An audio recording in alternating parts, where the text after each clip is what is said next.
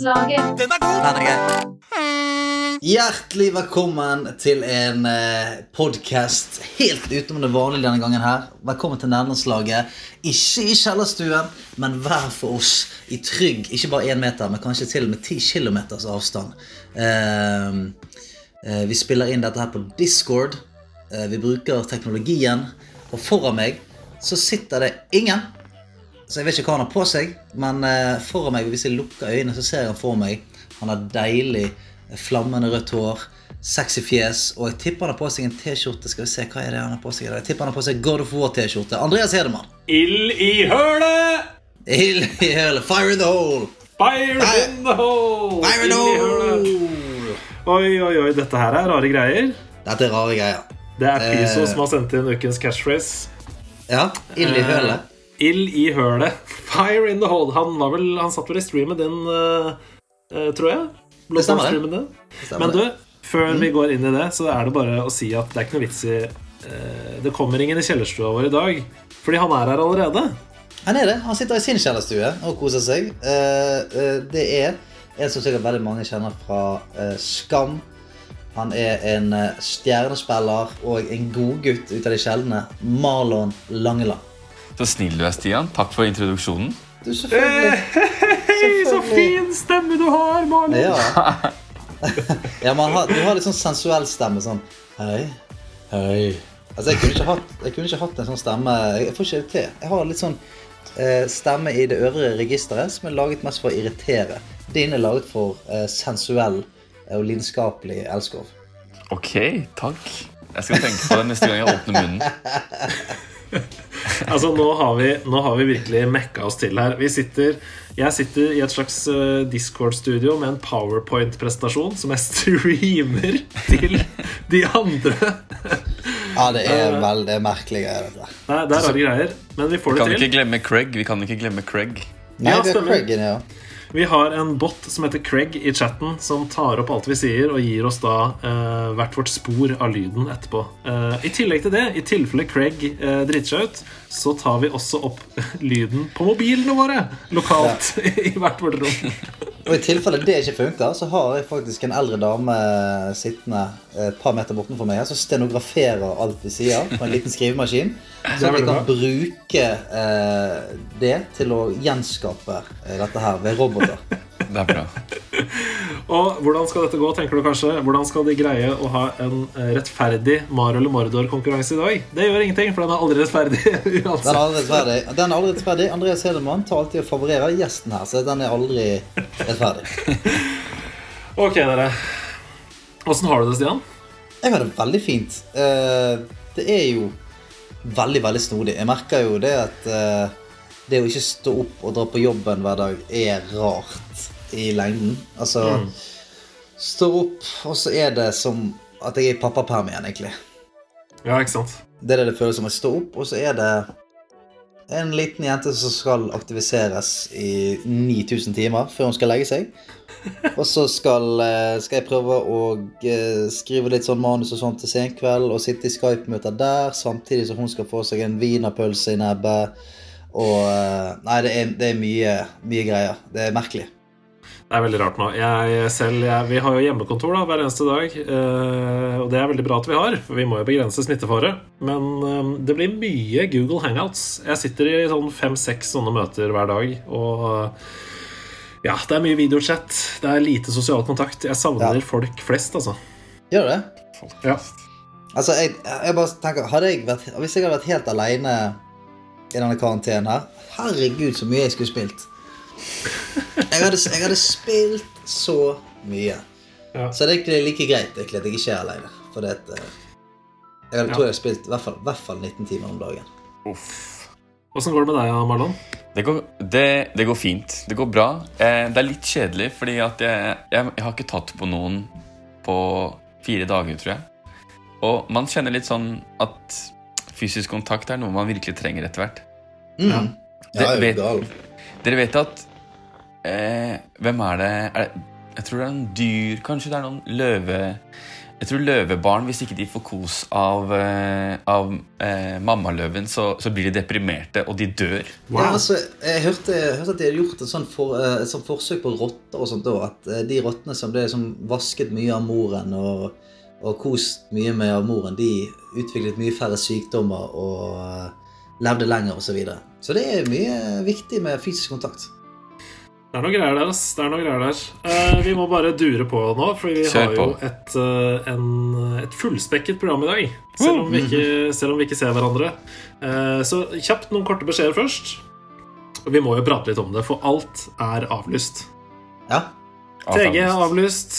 Eh, Norges største dataarrangement, altså E3, eh, en av verdens største pressekonferanser, er avlyst. Og man må mm. bare da regne med egentlig at alt blir avlyst frem til Ja. høsten. Eh, PlayStation 5, Xbox Series X ser ut til å bli forsinka fordi man ikke får tak i deler. Hva skal vi gjøre nå? Nei, altså, nå får vi nå får vi høre i morgen tidlig, ikke det? Eller i dag tidlig har det vel vært. Når den er Nei, altså denne podkasten her kommer ut natt til onsdag. Mm. Så klokken ni på onsdag så skal vel eh, de ut og snakke litt om PlayStation 5. Da håper jeg vi får noe klarhet i når den kommer ut. Mm. Så Men hva vi skal lurer på, gjøre ja, nei, Hva vet dere om PlayStation 5? For at jeg har hørt at det er reverse compatibility. Vil det si at man kan putte inn alle CD-er? At de har alle PlayStation 1-spillene liggende på PlayStation Store? Jeg tror det er det at han har muligheten Altså at den engine har muligheten til å spille alle tidligere PlayStation-spill. Jeg tror ikke du kan putte CD-en inn. Nei, ikke sant? Okay. Nei. Jeg veit ikke om, det er, om man kan putte CD-en eller ikke. Den har jo diskslott, på en måte, så det kan jo hende. Uh, jeg vet ikke. Vi får kanskje vite det i morgen tidlig. Ja, Håper på det. Men det kan hende de, det kan hende de går for en sånn Xbox-løsning som er sånn som du sier der, at uh, man kan gå tilbake i et slags arkiv, og så tilgjengeliggjør de etter hvert uh, på en måte Play, nei, eh, Xbox 360-spill, eldre spill, da. mm. Mm. Men eh, du spør hva skal vi gjøre nå? Hva tenker Ja. du? Er, du- er, er du redd for eh, hva- hvordan, du, hvordan framtiden blir? Nei da, altså vi eh, Jeg er ikke redd. Jeg tenker at vi bare må ta vare på hverandre. Og så er jo tross alt vi som eh, interessegruppe da, som, er, som det er minst synd på akkurat nå.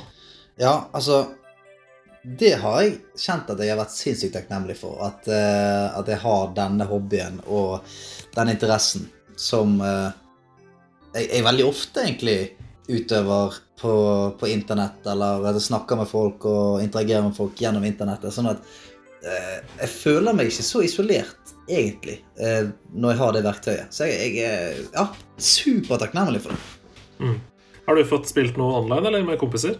Eller venninner? Jeg tror jeg spilte Tetris på Facebook med et par venner, men det er det nærmeste jeg har kommet.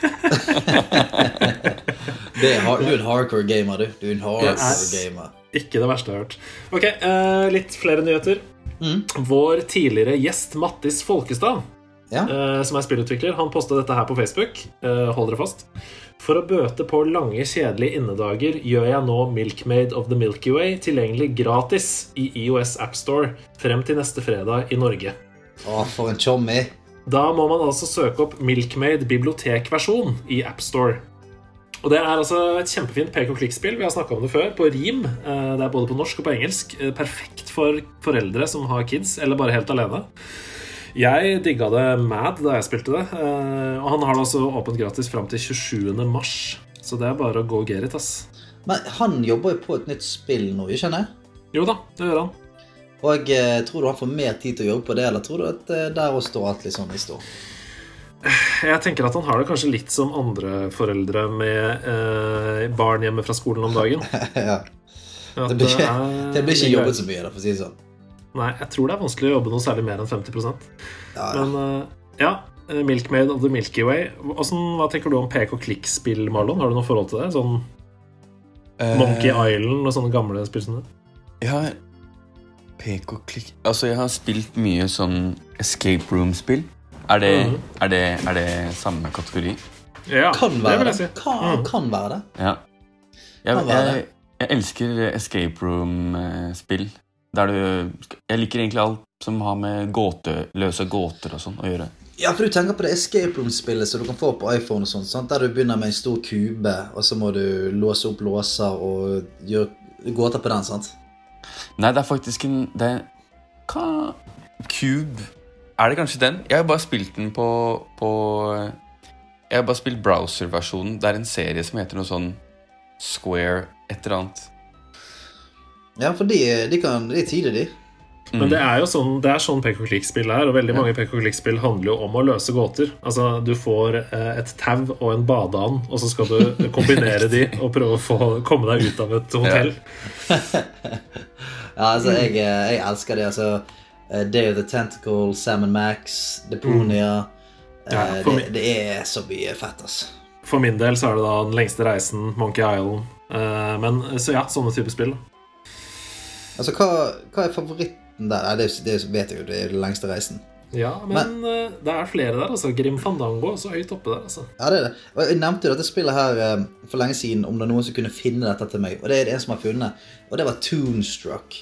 Det var det Ja. første pek og klikk-spillet jeg har spilt noensinne. Og det finnes, eh, skjønner du. Jeg skal få lagt ut en link til det. Og jeg tenkte å teste det sjøl.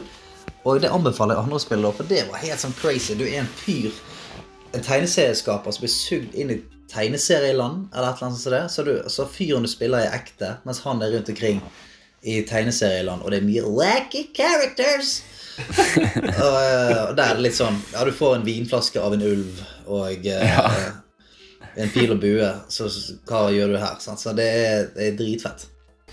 Gøy, gøy, gøy. Eh, Neste nyhet. Gamere verden over fighter mot koronaviruset med et program som heter Folding at Home.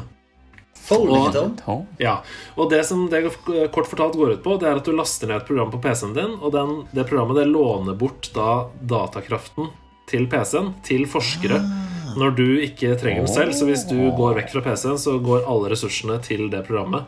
Oh shit. Eh, og aller best er det hvis, det, hvis PC-en din er kraftig og har et hissig grafikkort.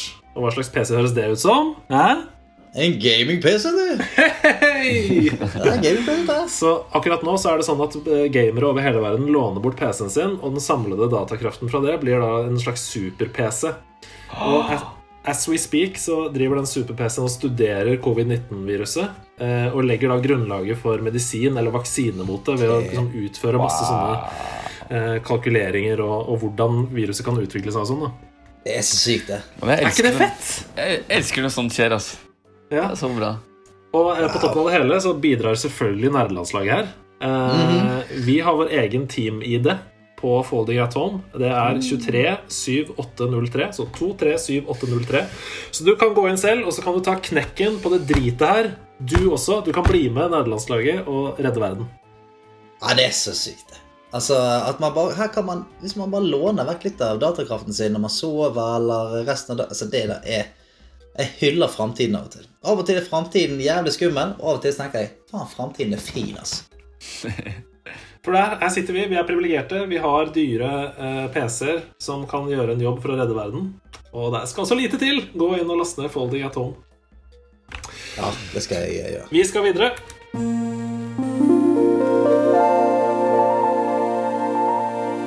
Ukens øyeblikk. Stian? Ukens øyeblikk. Ja, du, eh, du antar at jeg har ukens øyeblikk? Ja, Ser du ikke bakgrunnsskjermen jeg har lagt på dette? Jeg, jeg ser det, men eh, den streamen inni uh, Discord her, den har, har gått litt bananas. Ja. Så jeg står bare og fli, flimrer mellom Ukens øyeblikk og nederlandslaget-posteren. så jeg får dønn epilepsi her, så jeg vil prøve å se vekk.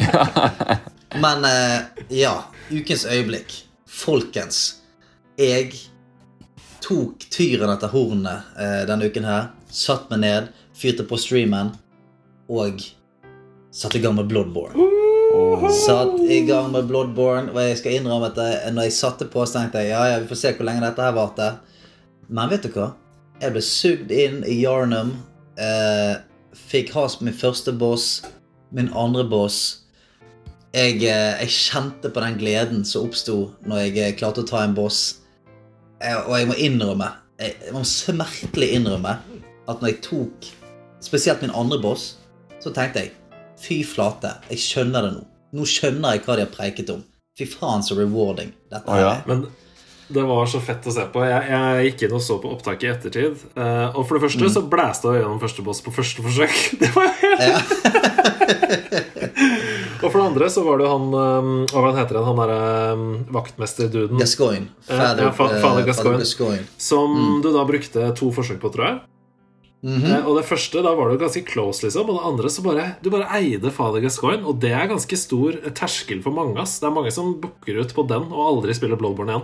Ja, altså, men det er et sånn her eh, Det er et flytspill. Rett og slett. Når du finner flyten, så går det greit, og når du er ute av flyten, så kommer du på en måte aldri inn igjen. Det, det, det er som å havne en bit bakpå når du synger. Du kommer liksom aldri helt inn igjen. Uh, og jeg merket at nå, da jeg avsluttet streamen i dag, så kom et hun her eh, Priestess Amelia. Ja, Wicker, Wicker? Amelia. Vicar Amelia. Mm. Og uh, det var Det var tøft. Da var jeg inne, var jeg inne i streamen. Ja, ja det, var, det var tøft. Altså sånn eh, jeg, Og der gjennom flytsonen Eh, Der når jeg prøvde første gang, så fikk jo sånn Fikk hun kanskje to tredjedeler ned. Og så gikk jeg inn eh, andre gang, og så kom jeg ut av flyten og fikk bank. Og da Og det bidrar bare For min del så bidrar det bare til at jeg sant, har lyst til å bare skynde meg tilbake og prøve igjen. Ha litt mindre ro i kroppen. Stuper kanskje inn litt for mye fordi at jeg blir litt ivrig. Mm. Og så, kom, så er jeg helt ute av det. Mm. Da blir du tatt tar av, over. da blir du tatt av den første shockwaven der eh, med en gang, fordi Ja, jeg er ikke helt sant. fokusert. Mm. Ja, og de bossene der er jo helt latterlige. Sånn. Altså, det, blir du tatt av feil angrep, så er, er du one-shotet. Mm. Så denne bossen jeg kom til nå, den kan plutselig dukke ned og plukke deg opp og spise deg. Mm. Og eh, da blir jeg forbanna. Mm. For er sånn, du kan ikke ha et angrep som bare spiser deg, og så er du ferdig. Det, det blir for dumt. Mm. Du har kanskje Men, hørt på jeg må eh, bare si kjapt, du har kanskje hørt på episodene før, Marlon, men egentlig så pleier vi å ha dette stikket her før gjesten kommer. Så hvis du er litt lite involvert, så er det bare derfor. Men eh, eh, vi kommer tilbake til deg. Du kommer til å være stjernen i Du, programmet. det går helt fint. Jeg hører på Jeg, hører, jeg nyter samtalen deres. Åh, det er koselig. det er koselig Jeg skal, jeg skal avslutte den raskt her, men jeg skal si det at eh, jeg kommer sikkert til å spille litt mer eh, Bloodborne, men eh, jeg, jeg forsto alt. Altså Puslespillbitene kom på plass for meg på, på hvorfor folk liker disse spillene. Mm. Så eh, til, til alle som jeg har eh, eh, Til alle som har hørt meg slenge drit om disse spillene, jeg trekker det tilbake igjen. Jeg skjønner hva greiene er. Det, er, det er veldig det koselig. Det er veldig, veldig Så det vil. Så det vil jeg si uk, ukens øyeblikk. Ja. er at når, når, jeg, når jeg skjønte Jeg skjønte det hele. Jeg skjønner hva du mener. Jeg må bare si at uh, Wicker Amelia, da, som du er på nå, uh, er jo en av de vakreste bossfightene, synes jeg. Det er liksom, det er kunst da, i eneste, hver eneste frame. Uh, skrikene hennes, hvordan hun morfer, og de, der, de lange, hvite hårene, eller liksom fjærene som henger bak henne og sånn. Det er ganske sjukt, ass. Jeg fikk ikke med meg kunsten, for jeg så bare at det flimret foran øynene mine. der et par ganger. Så kunsten gikk litt tapt idet jeg begynte å blø fra øynene. Nei, Det er en nydelig boss. Men uh, jeg håper du fortsetter. Uh, det blir bare bedre og bedre. Og hvis du eh, fortsetter med DLC-ene også, så blir det et komplett spill. Stråle. Ok, dere. Jeg må snakke litt om mitt øyeblikk også. Jeg skal være rask. Men på fredag Jeg har bare lyst til å dra det opp fordi på fredag så fikk jeg melding av en kompis som heter Emil. Mm. Han var i karantene og kjeda seg veldig, veldig. veldig Og det utvikla seg til å bli en sånn videoprat på Messenger. Eh, Hvor det var flere venner også som hoppa inn, da, som hadde det på samme måten. Som satt liksom i hvert sin leilighet og bare Ja. Det det var så koselig, og vi lo og hadde det veldig fint. Og da innså vi i den praten at vi var nødt til å finne på noe sammen på kvelden. For det Mm. var jo liksom fredag, eh, og man har jo lyst til kanskje å gå ut og ta en øl og være sammen, men det kunne vi jo ikke. Eh, Så det vi bestemte, var at vi skulle spille Jackbox Party Pack over Ja. Discord sammen. Og ingen av de andre visste hva det var for noe. De er jo ikke noe sånn eh, veldig gamere. De liker litt sånn Switch og, sånn, men de, de hadde ikke spilt det før. Så jeg la til alle sammen som venner på Discord. og så streama jeg da Jackbox i en sånn gruppe-DM-samtale med alle sammen. Og vi endte, altså, vi endte altså med å være elleve personer. Og det var eh, kjærester var med, eh, som satt og spilte eh, Jackbox Partypack og lo og drakk øl og var liksom sammen da fra hver vår leilighet. Fra klokka åtte om kvelden til to på natta. Oi, helsike.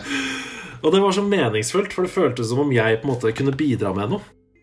Ja, ja. Jeg var, Så du altså jeg var Nå, gay. er ikke det, nå har ikke vi ha-med-dag ennå, men det var det du hadde med deg den dagen. Det var akkurat det. Det er sånn, Jeg er gamer, eh, og det er det jeg kan hjelpe dere med i denne situasjonen. Ja. ja, det er så fett, altså. Ja, det er så fett. Og det, vet du hva, jeg eh, Nå, nå, eh, nå vet jeg ikke om dette her uh... Hei! Velkommen tilbake igjen, Hedemann. Ja, se der, du. Der restarta hele Discord. Men uh, Craig er her fortsatt? Ja, det er han. Da kjører vi Ja, bare Craig på. her. Craig er her. Men jeg skulle bare si at uh, jeg tenkte kanskje å begi meg ut på en umulig oppgave.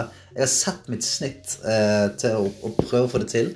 Mhm. Men jeg tenkte jeg skulle nå, for tredje gang i mitt liv, prøve å få, få se om det finnes et spill der ute som kanskje kjæresten min nå kunne tenkt seg å være med på. Oh, det er koselig.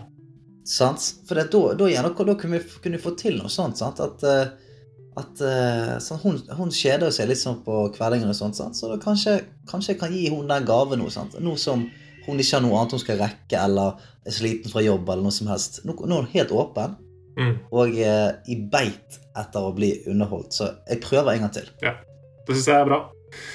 Ok, Marlon. Ja, hva skjer? Da skal det handle om deg, og bare deg. Stian, vær så god. Hei! Marlon, Mm. først og fremst, hvordan har du det? Jeg har det ganske bra. Jeg har det ganske bra. Eh, I dag har jeg utnyttet den eh, karantenesituasjonen med å vaske lister. Vaske lister, wow! Ja. Så, eh, så gøy. Det er ikke gøy, altså. Det er alt bortsett fra gøy, men det er, det er noe, i hvert fall. Men sånn, nå er jo det eh, rare tider for folk generelt. Mm. Folk som jobber i alle mulige bransjer. Mm. Alle bransjer er jo litt redde nå, for de vet ikke hva som skjer på andre siden av dette. Nei. Og for skuespillere og artister og alt mulig, så har det kanskje oppstått en ekstra stor sånn usikkerhet, fordi at eh, eh, veldig mange prosjekter som skulle vært i gang, og som eh, består altså, Som utgjør en, en god del av årets lønn, er nå vekke Correct. prosjekter, det være seg filminnspillinger eller serieinnspillinger, er satt liksom på pause til, på ubestemt tid. Eh, hvordan har det liksom affisert deg? Eh, jeg skulle jo spille inn en kortfilm til forrige helg. Ja, Eh, og siste dagen så ble innspillingen forsinket én time fordi fordi det var noe Ja, det var kanskje at vi ikke kunne spille inn. Men vi fikk ikke lov allikevel, da. Men så kom dagen etter. Da var det, det er utsatt til ubestemt tid. ja sant. Og eh, ja, også det. Så hadde jeg også en ting jeg skulle gjøre i april. Det ble utsatt. En ting i sommeren. Det ble også utsatt. Og i tillegg så Jeg jobber jo frilans, så nå er det jo bare Mm. Nå er det jo ingenting. Og det er, det nei, det er liksom ikke noen arbeidsgiver som uh, ringer deg opp, Nei, eller eh, altså, Så det er Men kjenner du på noe redsel, eller er du bekymret, eller? Eh, nei, jeg er ikke bekymret. Jeg er ikke redd. Det kommer til å gå bra. Jeg er helt sikker på det. Og fordi Hvis man tar det Hvis vi ser på det fra et stort perspektiv, da. La oss gå helt ut. La oss gå helt ut. La oss gå helt ut. Jeg er med. Ikke sant? Menneskeheten. Vi har alltid klart å sprette opp igjen fra enhver Fra ethvert slag vi har mottatt. Akkurat som, her, akkurat som dette her ved at gamere låner bort eh, maskinen sin, og at man klarer å møtes på nettet, eller man klarer å gjøre ting uten å Uten å risikere andre å smitte, smitte seg, da. Så jeg, jeg, jeg tror det kommer til å gå bra. Altså, Nå er vi inne på en ting. for Vi har, eh, vi har jo møttes et par ganger. Mhm. Vi kjenner ikke hverandre noe sånn veldig godt. Men mitt inntrykk av deg som jeg, må være helt ærlig, overrasket meg litt med en gang jeg møtte deg, var at du virker som en veldig sånn eh, eh, filosofisk tenkende, nesten sånn tilnærmet spirituell eh, fyr. Stemmer det? Ja, det stemmer. Det stemmer. På hvilken måte da? Altså, og, på hvilken måte, og hvorfor? Hmm. Hvorfor? Det tror, jeg kan, det tror jeg ikke kan svare på. Er det fordi kan, Kanskje er jeg født sånn, eller kanskje har jeg blitt oppdratt sånn. Men jeg husker i hvert fall at jeg har tenkt veldig mye på ting siden jeg var liten og alltid fundert. Hvis du ser på bilder av Hvis du ser på bilder av meg som liten, sånn rett ut av barnehagen, så ser du at jeg har et ansikt som er sånn Veldig sånn Et kritisk ansikt til alt rundt. Sitter sånn Allerede, allerede kritisk. Jeg vet ikke om eh, Det er en, det er en statue som heter eh, Tenkeren. Har du sett den? Mm.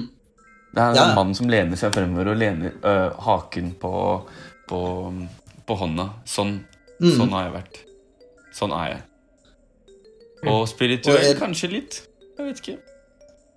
Ja, men øh, øh, Er du sånn i det daglige òg? Funderer du liksom mye over sånn ja, hvorf, Hvorfor er vi her, og, Ja. og de store, dype? Eksistensielle spørsmål det prøver jeg å legge fra meg fordi jeg kommer ikke noe videre med det. Men jeg prøver å kanskje spørre hva, hva som er grunnen bak en handling. Og man får eliminert bort masse, masse, andre, masse andre ting.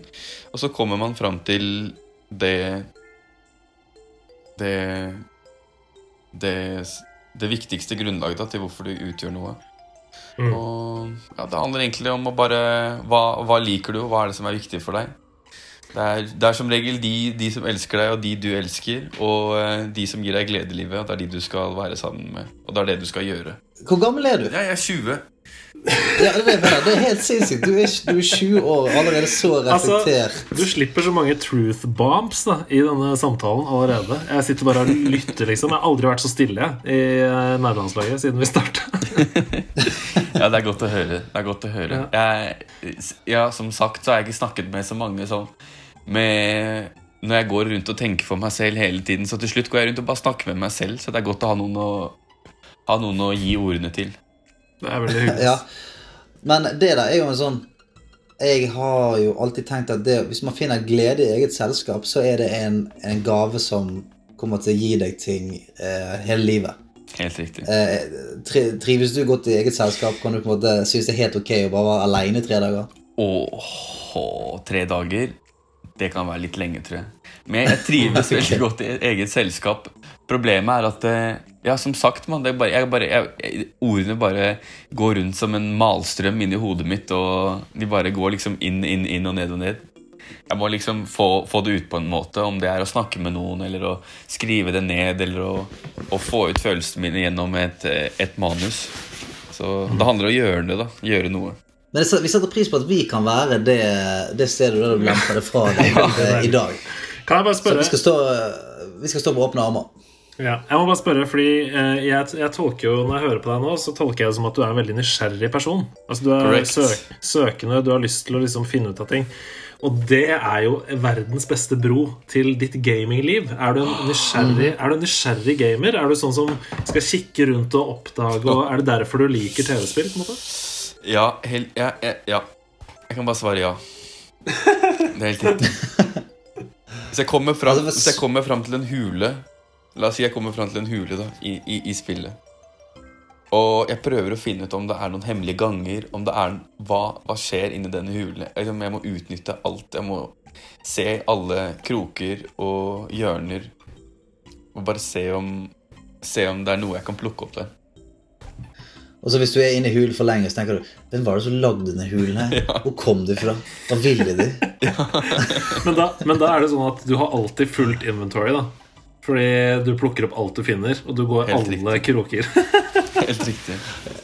Ja, Og så tenker du sånn Ja, jeg kan ikke kaste det, for det kan jo være jeg trenger det. Jeg Kan være jeg trenger det eh, for lenge jeg ute i spillet. Kan hende jeg trenger den lille trebollen her. Hvem vet? Du vet, du vet aldri. Du vet aldri. Men hvor begynte crafting, hvem vet. Ja, ja. Men hvor begynte det? da? Hva var de første spillopplevelsene du hadde? Det var Grand Theft Auto 3. Brø! Wow. GTA 3 og på PlayStation 2. Jeg tror jeg var kanskje sånn Kanskje 9-10 år. Og med cheat codes allerede liggende foran, foran meg. Så det var Får dere tanks, eh, får dere tanks inn i mix- miksen? LN, LN, RN, XLN, RN, firkant, LN, RN. Så tror jeg du får Nei, det, er- det, er på, det er på PSP. Det er på PSP, faktisk. Men det er fortsatt Så da, da får du da, da Det er eh, Det er eh, helsekoden. Så hvis du kan den raskt nok, så kan du egentlig bare løpe i skuddregnet. Ja, så bare healer du mm. med et par kjappe tastetrykk der. Nei. Det er helt sykt at du husker den ennå. Det er helt vilt. Ja, men det er sånn Har du noen gang Det er som man Det er, det er kroppen din husker man Idet jeg får Place- PSP i hånda, så bare begynner jeg å gjøre den Trykke den Trykke inn den eh, Den, den koden. Det, det er litt sånn som at alle husker sitt første hjemmetelefonnummer. Ja. Alle husker det, sant? Mm. Uh, jeg husker ikke det, for at, uh, det er ikke noe hjemmetelefon. Nei, sant? du husker ikke, for du, når, når du var uh, Altså, du, du ble født etter at hjemmetelefonen var ferdig. Dette er helt sykt. Jeg, jeg skulle akkurat til å si det. Uh, nå, dette, er først, dette er første gang, liksom. Eh, fyren vi snakker med nå, er ti år yngre enn oss, eh, Stian. Han har levd Ja, det- en tredjedel det er kortere liv enn det vi har. Uh, hans første spillopplevelse er GTA3! Ja, det er helt sykt. Altså, det er faktisk første gang i podkasten jeg føler meg sånn old as man. Old as man. Kanskje tar jeg litt feil, gutter. Kanskje Ja. min første spillopplevelse ikke var GTA 3. Hvis du sier GTA 4 nå, så blir jeg enda mer lei meg. Nei, jeg tror det var Super Mario Bros 2. Oi! Super Ja. Mario Bros 2. Super Mario Bros 2. Og det som skjedde, var at jeg var i Thailand i 2004 eller 2005. Og kom innom eh, et, elektro, et elektronikkmarked, og der hadde de en Gameboy, en oransje Gameboy liggende. Når jeg da kjøpte den, fikk jeg med Super Mario Bros 2, Crash Bandicoot og Castlevania. Crash Bandicoot på Gameboy. Ja. Er det bootleg? Selvfølgelig. Det er Thailand, mann. Jeg tror ganske jeg en tror- bootleg. jeg tror Han han het sikkert ikke Crash Bandicoot heller. Det er Krish Bandicoot. Nei, jeg tror det var, jeg tror det, jeg tror det var real deal, altså, for at, eh, det var en butikk, det var ikke fra gata. Men, så det var der det starta. Altså, Oransje Gameboy. Men ok, stopp, stopp. Super Hold Mario up. Bros. 2. Hold up. Crash Bandicoot har aldri vært på Gameboy, mann. Jo, det har det. altså. Nei, det har, det har aldri vært på Gameboy. Så det her er det noen som har eh, eh, Her er det noen triks Uh. Ok, Har det ikke vært på Gameboy? Jo, på Gameboy Advance. Ja, det er Gameboy har? Advance. Det er Gameboy Advance Oh, shit! På Gameboy Advance, Crash Bandicoot The Huge Adventure. Det har jeg aldri hørt om. Holy shit, der ble vi skolet. Ja, vi gjorde det faktisk. Ikke verst. Ikke verst. Det er, eh, det er faktisk helt riktig som eh, dr. Langeland sier her. Og det er ikke bare ett, vet du. Her er det mange Crash Bandicoot-spill. Eh, du har Entranced, du har Ja, det er flere forskjellige her. Veldig gøy. Dette visste jeg ikke. Det var sjokkerende for meg. Hedemann, dette klipper du rett ut. Klipper du rett ut. Wow. Klipp det rett ut. Fett. Det var stort Ok, så det blir for meg.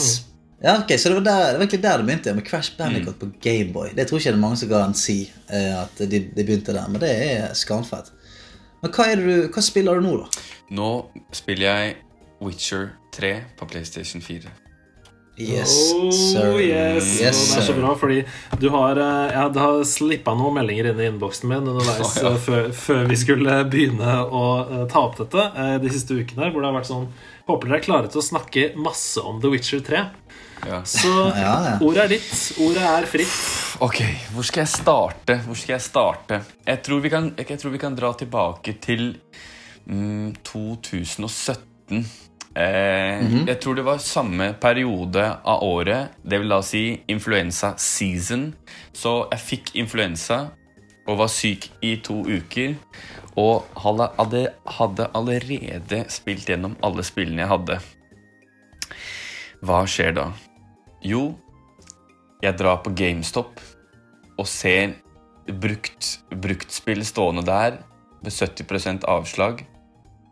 Og der står Geralt of Rivia og ser på meg med sitt sølv, sølvsverd og bare sk sier Marlon, du er, nødt, du er nødt til å spille dette spillet.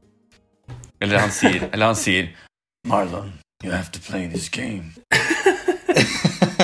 Så jeg sier ok, så jeg kjøper det, og så går jeg hjem, og så har jeg hørt masse The Witcher 3, The Witcher 3, The Witcher Law. Det er en bok, det kommer fra Polen. Det er, det er, det er, det er, det er, det er et helt univers jeg har gått glipp av.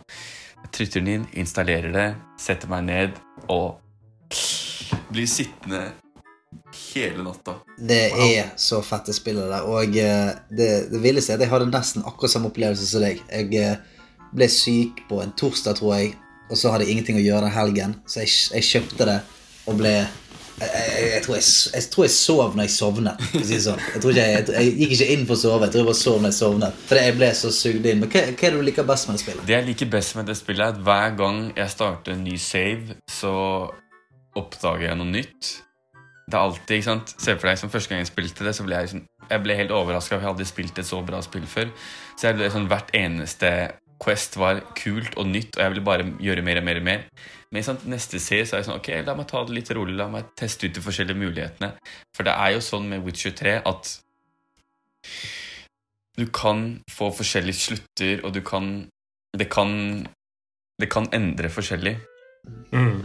Har litt forskjellige romanser, for eksempel. eksempel. Ikke sant? Mhm. Og, og hver gang jeg spiller det, så har jeg liksom utvider jeg, utvider jeg mulighetene og stopper opp og leser alle brev jeg finner, og alle sånne sidequests og alt som Mm. er mulig. Så bare gjør jeg det. Men hvor mange ganger har du spilt gjennom det nå? da? Fjerde gangen, kanskje? Fjerde Wow, det er jo et stort og langt En, spill. Da. Nei, det er tredje. Det er tredje. Det er Ja, tredje, ja. det er tredje. Ja. La oss ikke gå for langt. Men eh, har du noen sånne høydepunkter som står ut, liksom? Hvis du tenker på The Witcher uten å prøve å spoile Ja, det er jo et gammelt spill nå, så vi kan vel spoile litt. Men, eh, men prøv å trekke ut noen sånne høydepunkter fra The Witcher 3, da. Jeg vet jo at du er veldig glad i Gwent, eksempel. Åh. Og det som er det verste, er at Gwent, jeg begynte ikke å spille det for andre saven min, så jeg hadde bare en Jeg glipp av det første gangen. Ok, høydepunkter fra, høydepunkter fra The Witcher altså, Men jeg har et, jeg har et høydepunkt fra, fra, fra gaminghistorien min. Ja, det er jo enda bedre. Hvis jeg, hvis jeg har lov til å fortelle om det. Ja, ja, ja, kjør på. Nei. Vi vil ikke ha noen høydepunkter fra gaminghistorien din i denne podkasten. Det får du ta på God morgen, Norge, eller et eller annet. Eh, I 2010 så var Øyafestivalen i Middelalderparken. Og jeg og to andre venner hadde hørt at hvis du går med en voksen, så kommer du gratis inn. Oi. Så vi klarte da å finne en i eh, nabolaget som skulle på Øyafestivalen. Og som vi klarte å lure med at han var faren til alle oss det, og at vi var under elleve år. Vi var ikke under elleve år, men det gikk greit, for at vi, vår plan var å komme inn på Øyafestivalen. Og det klarte vi, og så gikk vi rundt, og vi samlet inn kopper, og vi fikk masse penger for det, og det var helt fantastisk å gå rundt og se på alle disse rare, voksne, fulle menneskene som oppførte seg som barn. Og i slutten av dagen I slutten av dagen så går vi forbi det mest interessante teltet som, fin, som vi fant på Øyafestivalen, og det er selvfølgelig PlayStation Er det tre eller Under hvilket år kom PlayStation 4 ut?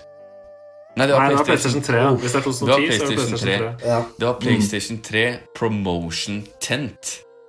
Så vi går inn dit og blir mottatt av PlayStation-mennesker i PlayStation-klær.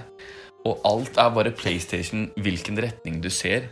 Og rett foran meg sitt, er det da verdens mest fantastiske ray, sånn gamingstol. Og du, jeg da setter meg ned i den og strapper på meg beltet og strekker henda fram i sånn Ferrari-ratt og trykker play. Og jeg kjører en, kjører en runde, så kjører jeg to runder, og mens jeg hører det, så sier hun dama da, som jobber i dette PlayStation-teltet, at hvis du kommer på førsteplass, er du med i tretningen av eh, en helt ny PlayStation 3. Og jeg hadde ligget på førsteplass de to første rundene og tenkte Er dette sjansen min? Vinner jeg en PlayStation 3 nå? Og jeg som har spilt Jeg som fortsatt har PlayStation 1, liksom. Så jeg begynner å stresse, sant? For at nå tenkte jeg at nå er det faktisk noe på spill her. Så jeg, så jeg kjører, kjører, kjører, og kanskje ti meter fra mållinja så krasjer jeg. Nei, nei, nei, nei, nei, nei. Hvilket spill var det? Husker du det? Jeg tror det var Need for Speed eller noe sånt. Altså. Ja. Det var ikke liksom VRC, fordi VRC var ganske stort på den tiden. Rallyspill. Ja, det, la oss, ja, jeg tror det var VRC. Mm. Jeg tror det var VRC. Men, Åh, det er tøft, så det, det forsvant men det slutter ikke der. To uker senere så kjøper onkelen min min PlayStation 1 av meg, og da har jeg råd til å kjøpe en PlayStation 3. Altså, onkler der ute. Onkler. Onkler der ute har alltid fikset biffen når det kommer til gaming. Gi big up til onkler der ute. De fikser gaming. Uncles. Onkelhype. Onkel Hype. Men uh, The Witcher 3, Ja. og åpen verdensspill Mm. Jeg blir jo litt sånn stressa for, uh, for din mentale helse når du sier at du er sånn som må sjekke alle kriker og kroker, og så går du løs på The Witcher 3, liksom. ja. Det er det, som er litt av problemet. Det er derfor jeg setter meg Jeg setter meg kanskje et mål, da.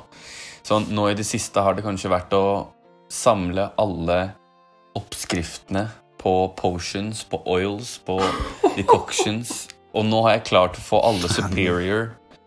Alle er liksom superior, så jeg har liksom alle, alle til slutten. Og, men det er jo kanskje sånn over Det er jo langt over 100 oppskrifter, sant? Men litt etter litt da, så klarer jeg å finne fram liksom en ene oppskriften. Og så liksom mangler jeg en liten ingrediens, så da liksom søker jeg gjennom hele kartet. Ah, så fant jeg han ene eh, selgeren som er inne i en, en liten sånn kro gjemt inni et sånn hjørne. Han selger akkurat den cherry cordial som jeg trenger for å lage white gull, som jeg trenger for å lage superior vampire oil. Og når du da er superior vampire oil, hva skjer da? Jo, det som skjer, er at det, når du begynner å blø, så etser det huden eller noe sånt til vampyren, og den begynner å angripe deg mindre. Er ikke det fantastisk? Hæ? Jo. Det, altså, dette er, dette er dypere enn jeg har noensinne ja, vært er du i Altså, eh, nå får vi en masterclass her. mm. men, men har du spilt DLC-ene? Blood and Wine og den andre? Jeg har, spilt den, jeg har spilt den ene, hva er det det heter? Eh, Blood and Wine, og hva heter den andre? Det er ingen som husker hva den andre heter. Nei, den Beast-opplegget, ikke noe sånt? La meg bare google. White White Beast Wolfman DLC. Mens du finner den, eh, er du en, er du en Triss Marigold-type, eller er du eh, Hvem, hvem Det er er? Jennifer, mann. Det er. Jennifer. Det er ikke noe Du- du Ja, er ja, kom ja. igjen, mann. Hun, hun er hun går, hun går i sånn black velvet, hun har attitude, hun Ja, hun er skummel. Marlon har aldri hørt sangen. Ta ikke referansen. Jo, jeg har, jeg har faktisk hørt den. Jeg har faktisk hørt den. Hearts of Stone heter um, Hearts of Stone. Ja, det er den. Ja, det var nesten det var nesten samme som Wolf Beast Man. Det er helt utrolig at jeg aldri klarer å huske det når jeg spiller Heartstone hele tiden. Jeg klarer ikke å huske Hearts of Stone. Jeg har gama Hearts of Stone, og jeg har, skal snart begynne på Blood and Wine. Godt, godt, godt, godt. Gleder du deg til uh, Cyberpunk, eller? Samme selskapet? Ja, jeg tror det. Jeg tror det. Jeg har sett, jeg har sett noe gameplay, jeg har sett traileren, jeg tror det blir veldig kult. Men uh, jeg har liksom Det er noe med litt sånn medieval law som jeg syns er litt mer interessant enn sånn uh, framtids, framtidsspill. Jeg har alltid Jeg likt. Ringenes herre, liksom. Ja, ja, ja. Så jeg syns at det er litt kulere. Middle Earth, Skyrim, hele den pakka der. Helt riktig. Eh, jeg liker den. Men da kan jeg glede deg med at eh, utvikleren har jo gått ut nå og sagt at de jobber med The Witcher 4. Åh, nei, det visste jeg ikke! Baby. Å, hør om deg glad, da. Hør deg visste glad. jeg ikke.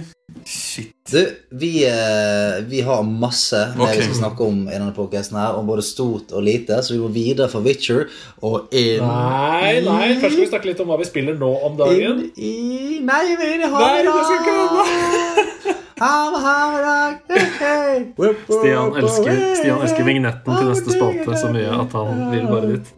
Men først så må vi bare snakke litt om hva vi spiller om dagen. Jeg regner med at du, Og det er ha med dag! Whip, whip, whip. jeg regner med at du spiller eh, The Witcher 3, da. Mm. Da kan jeg bare fortsette. Uh, fordi jeg har fått tilgang på pre-alpha av et eh, roller derby-spill som heter Roller Champions. Ja, det er Rocket Yes, League-saken, det er? Ubisoft sitt roller derby-spill. Og For de som ikke vet hva roller derby er, så er det en sport hvor du går rundt og rundt i en ring og kaster en ball til hverandre som du etter å ha fullført en viss mengde laps skal kaste inn i et mål. Um, samtidig som du kan bli skubbet av Ja, og og slått hvis motstanderen klarer å eh, takle deg sånn at du mister ballen, da må du på en måte begynne å bygge opp runden din på nytt. Eh, og da kan motstanderen begynne å bygge sin runde helt til du takler den. Ikke sant?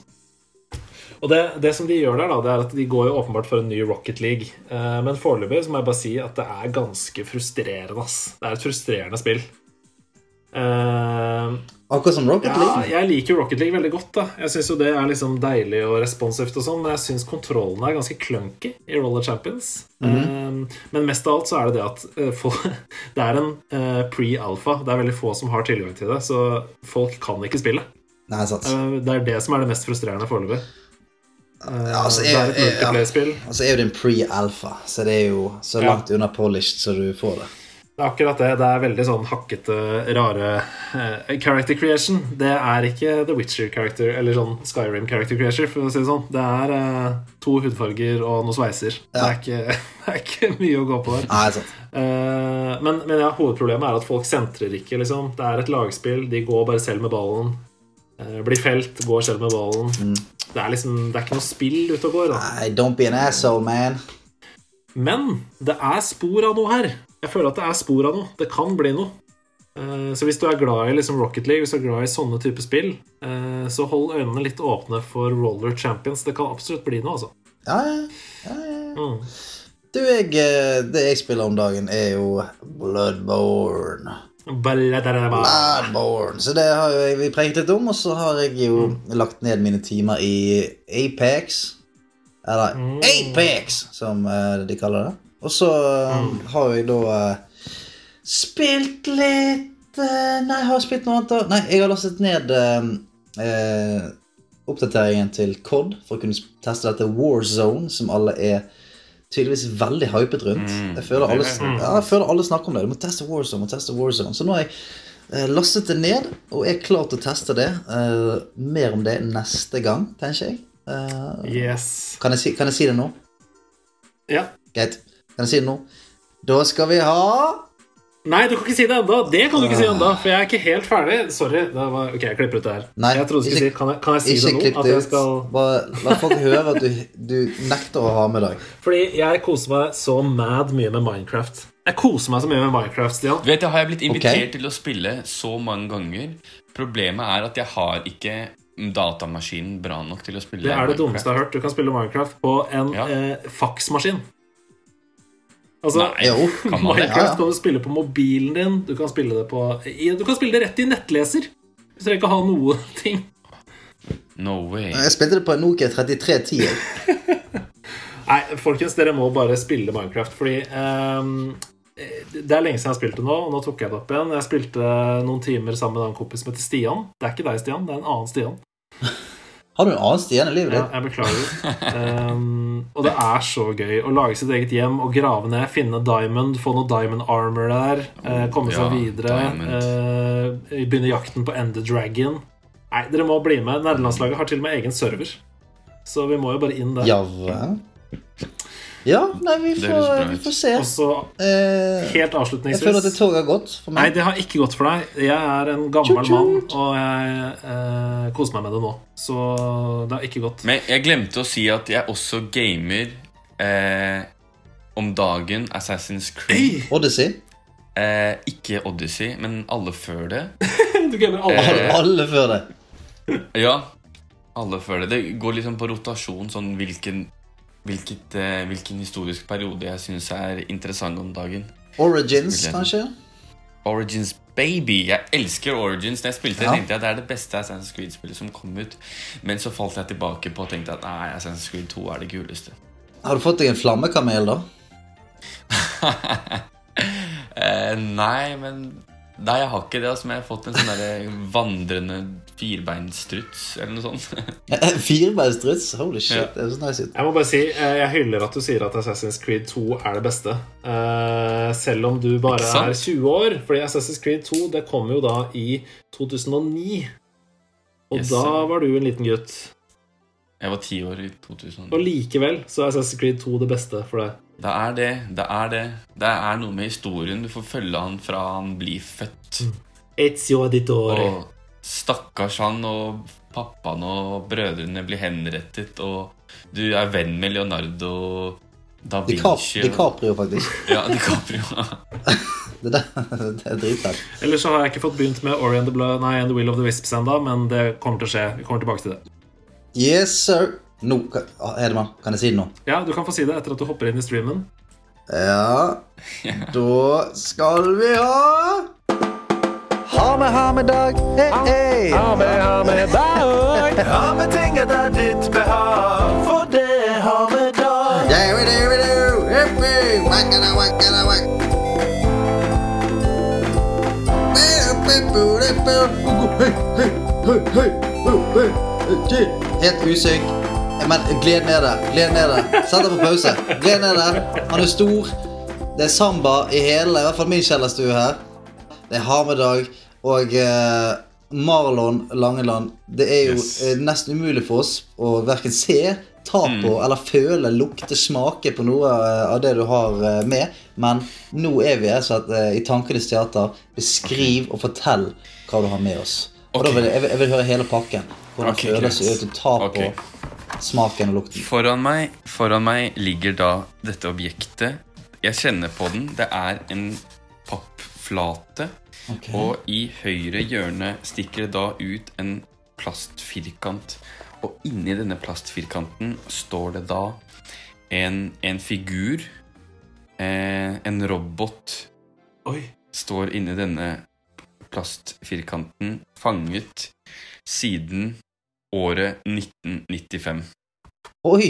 Wow. Her står det da jeg kan, Dere kan gjette dere fram til her nå. Står det litt eh, stats om denne figuren.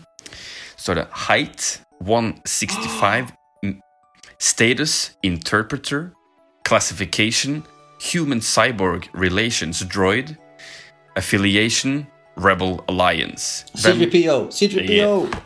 Oi, det er helt oi, riktig. oi. Jeg har da en C3PO-figur i original boks fra 1995. Holy shit!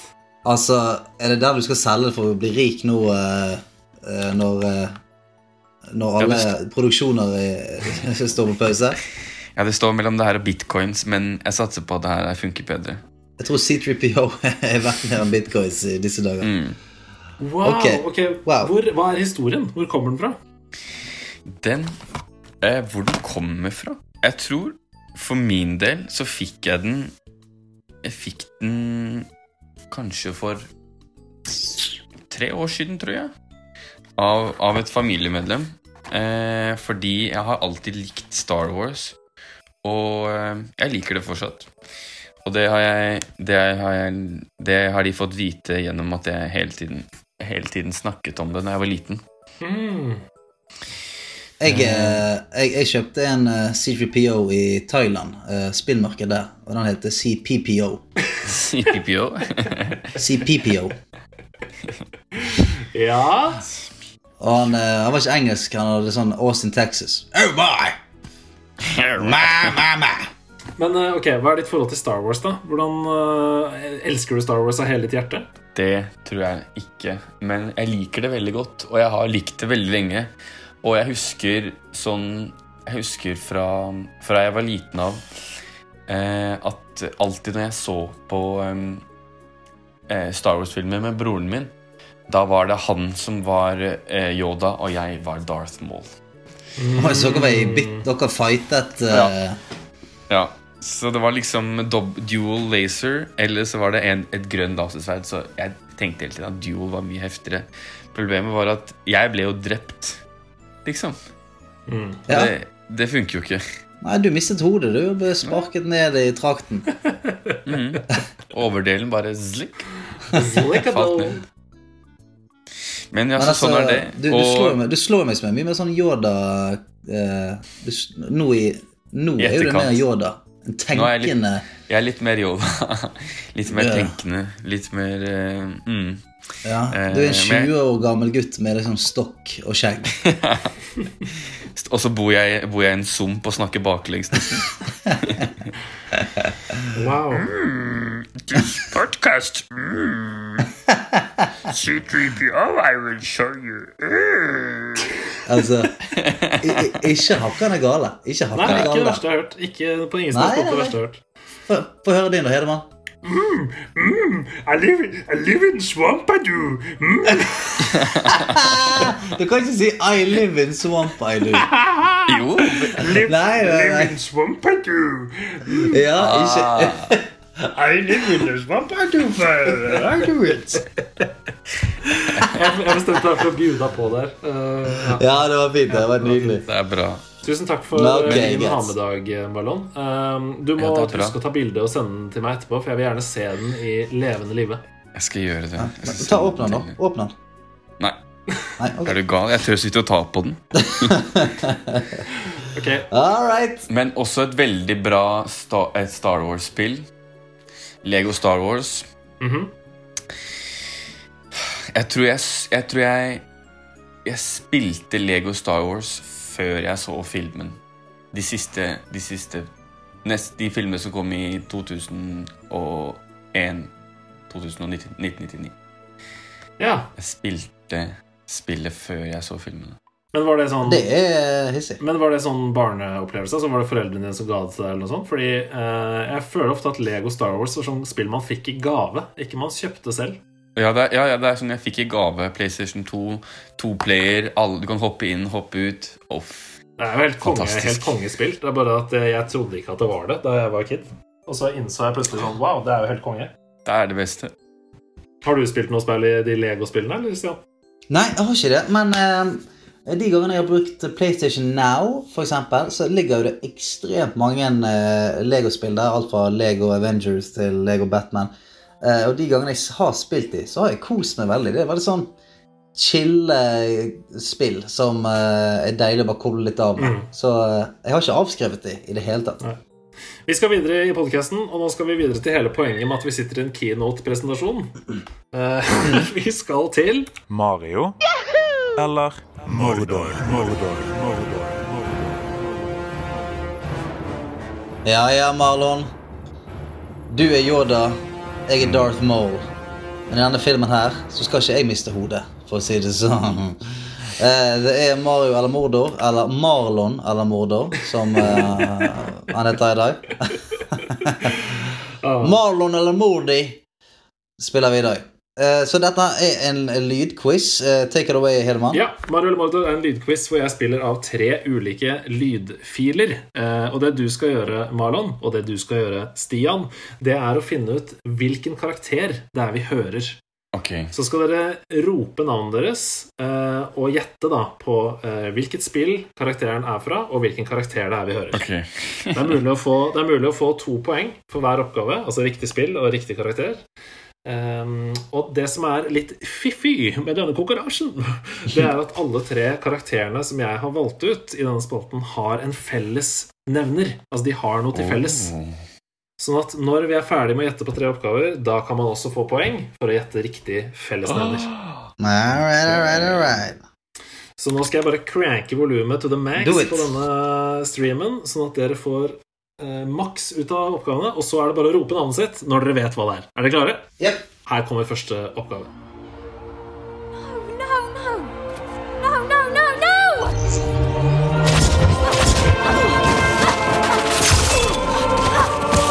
Why? Why would you do this? Oi. Ha. Oi, oi, oi. Å, den Jeg fikk, eh, jeg fikk en feeling der. Jeg fikk en Ja, feeling det er, der. er er det ikke et deilig lydklipp? Jo. det var veldig bra. Jeg fikk en feeling. Kan, du må spille lenger til. No, no, no. No, no, no, no!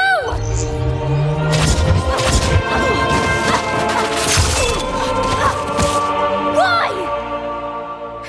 Why would you do this? Å, den stemmen der kjenner jeg så godt igjen. Og jeg vet jeg kommer til å få så mye kjeft for ikke å klare den der. Ah. Hmm. Hva tenker du på, Marlon? Du, jeg tenker jeg må analysere litt her nå. Ok, la oss, Ja. la oss bryte det ned. Vi hører Det er noe, det er noe sånn eh, himmelsk Det er noen himmelske toner. Litt sånn eh, Edens hage-følelse. Vi hører et, et, et, et ungt menneske, kanskje, kanskje en jente, med britisk, britisk engelsk. Og så hører vi noe laser Noen fremtidslyder, noen laserpistoler som går av. Og så tror jeg det er noen som blir, noen som blir drept, eller noen som stikker av. Og noen det som blir veldig opprørt. Så da tenker jeg Hvor hvem, Hvor er det vi har disse britiske barna i fremtiden? Hva, hvilket spill er det vi snakker om? Uh, britisk, altså jeg, første sånn feelingen jeg fikk, det var liksom Bioshock Infinite-ish. Hun, eh, hun damen som du redder der. Hun, mm Mhm. hun som lager portaler og sånt. Det var den første feelingen jeg fikk. Jeg har gjort det, jeg har gjort det litt eh, tricky for dere her, eh, med vilje. For hvis jeg hadde, hvis jeg hadde tatt Jeg kan hinte såpass mye som at hvis jeg hadde på en måte uh, gått veldig standard med denne karakteren, så hadde dere gjetta det med en gang. Oh, shit. Ok. Why would you do this? Dere kan få, dere kan få klippet en gang Ja. til.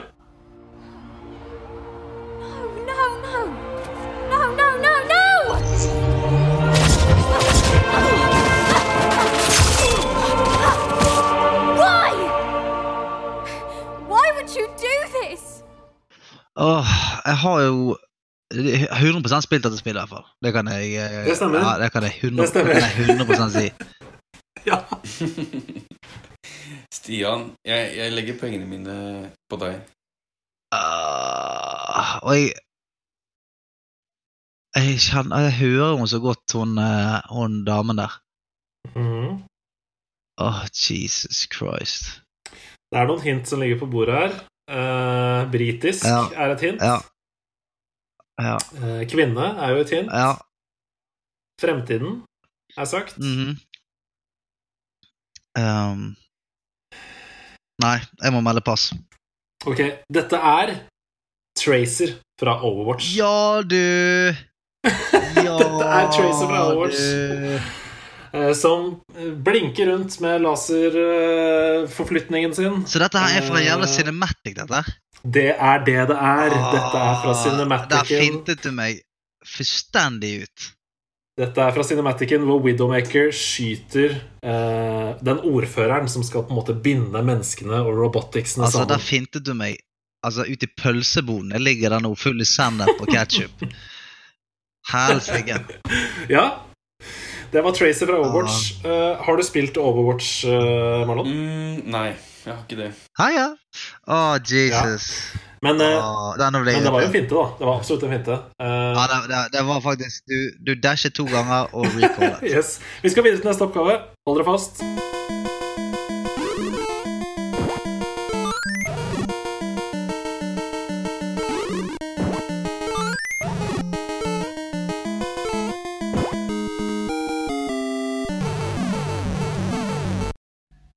Er jo han der uh, Han spi, spinnegutten uh, på Nei, vent litt. Er dette Bowser? Nei, det er ikke Bowser. Hva tenker du, Marlon? Altså, Hoppelyden gjenkjenner jeg. Er det, er det, inne, er det, er det noen borgsituasjon? Nei Det er det han der jævel som spytter noen greier. Hvilket spill er det? Spill først. Det er jo Mario. Hvilket Mario? Ikke det? Det, det er Mario det, det er for- Super Mario, liksom. Nei, ja, Mario på Nes. Vanlig Mario, ikke det? Ja Vi skal til et annet Super Mario-spill. Uh... Det er nevnt tidligere. Super Mario Bros 2. Ja, det er riktig! Det er Super Mario Bros. 2. Eh, det er jo veldig gøy at det er da det første spillet du spilte, Oh my God. Og så Ja, tok du det- til denne situasjonen. Og det er derfor disse lydene er litt rare. Mm. Men ikke, ikke noe sånn her eh, Er man, hvilken situasjon er det, da? Jeg er helt sikker på at man er inne Det er noe, at det er noe Den var litt sånn mm, mm, trist. Ja. Nedover. Hør hele lyden helt til den er ferdig.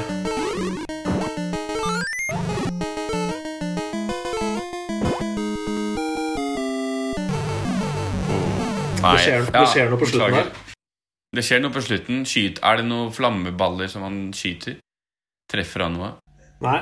ja, det, er, det, er en eh, det er en eller annen boss Det er en eller annen boss som du tar, og så, eh, så eksploderer alt eller et eller annet. Ja, du har sagt det tidligere, eh, Stian. Du har vært veldig inne på det. Har jeg det? Bowser, liksom? Altså, ja, det, det, ikke? Ikke Bowser? Nei. Hvordan kan jeg vært innpå det uten å ha sagt det tidligere? Du sa det er en som skyter noe greier. Ja.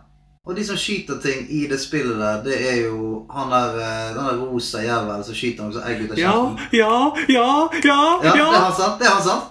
ja. Ja, oi, ja! Så hva heter han? Hva heter han? Ja, oi, nei, hva heter han da? Osti... Os... Os... Ossi? Oss... Oss... Nei, dette er Birdo. Ah. Det er Birdo fra Super Mario 2. Eh, Den rosa eh, fugledrageaktige tingen som skyter egg ut av munnen sin. Satan! Og, og den situasjonen vi er i her, er jo at Mario da hopper oppå egget, tar det imot og kaster det tilbake på Birdo eh, og vinner da eh, den banen og kommer seg videre. Hva, heter han? Hva sa han? Hvilken bane er det her? Birdo heter han. Hey, Birdo! Birdo. Ok, vi skal videre til siste Det oppgave. var vanskelig i dag, ass. Shit. Ja, vi har altså to hittil. Tracer Altså, og Birdo. her, her sitter vi liksom i karantene, og så hiver du dette her på oss. Her kommer tredje oppgave. Hold dere fast. Okay, I know it doesn't look like it, but this here is not a bad read. Only one problem. Right there. To be continued. I hate cliffhangers. Uh, er dette Er det Oxenfree?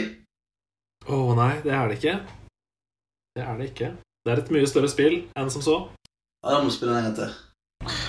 Okay, I know it doesn't look like it, but this here is not a bad read. Only one problem. Right there. To be continued. I hate cliffhangers. Ok, de sitter, Her er det to venninner som sitter i på et kjøretøy. En bil, en En buss er det, Kan det være Kan det være Ja, riktig. Sitter i Ja. en bil. Bil, Kan det være Uncharted, liksom? Å, du er i riktig selskap. Ja, ok. Ja, ja, da er det Last of Us, da, ikke det? Ja, det er riktig! Ja. Det er Last of Us. Last of Us, Nei, er, det? Ellie og Ja, det er Ellie! Det er Ellie. Ah, shit. Okay. Det er Ellie, og hun snakker med seg selv eh, her. det. eh, for jeg har klippet ut Joel sine svar, som sitter ved siden av. Oh my Ok, dere. Ok, dere. Vi har altså tre karakterer. Vi har Tracer fra Overwatch, vi har Birdo fra Super Mario 2, og vi har Ellie fra The Last of Us. Hva er fellesnevneren? Uh, oi. Wow. Det er Oi, shit, den er jeg tror den- Hvem er det, da? Ellie, Tracer og Birdo. ja. Uh, hæ?! Jeg er så fornøyd med den oppgaven. Ja, altså, er, men er det så Er det, er det teit svar? Nei, ikke teit. Det er kjempefint svar. Alle, alle er like tøffe. Ja, det er de definitivt, men det er ikke det som er riktig svar. Ah, shit. Eh, jeg prøver, å prøve å tenke på alle mulige ting her. Mhm. Mm, Prøv å tenke litt på hva er det vi vet om disse karakterene. da Hva er det vi vet om Tracer? Hva er det vi vet om Ellie? ja. At de er alene? Nei. Nei. Ja, nei. Men altså, jeg er nå ikke så jævlig opplest på Lauren til Tracer, eller Lauren til Birdo.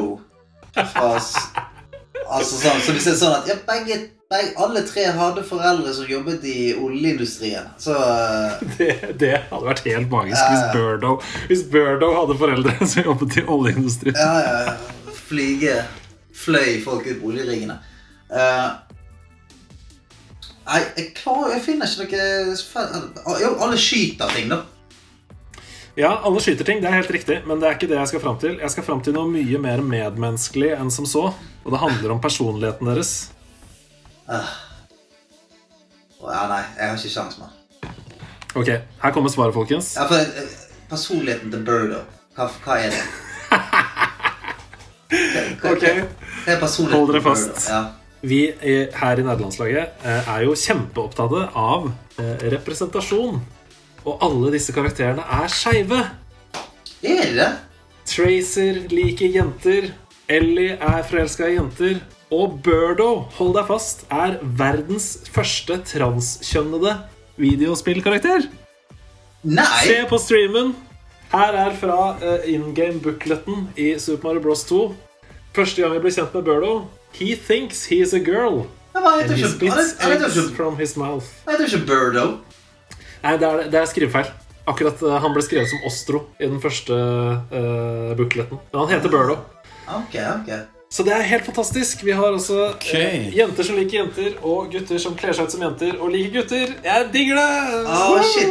Det var, det var nice uh, vri på det. Jeg, men jeg visste ikke at Tracer, uh, Tracer var skeiv. Det visste jeg ikke.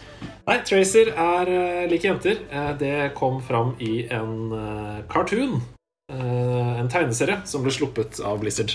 Sant? Det der, du, er, du er så opplest. Du, du vet til og med at liksom Burdo var transseksuell. Det er helt fantastisk. Verdens første.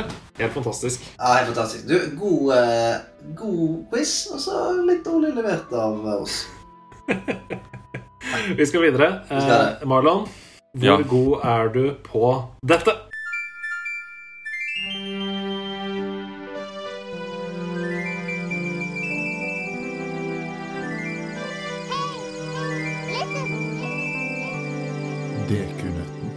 Dekunøtten.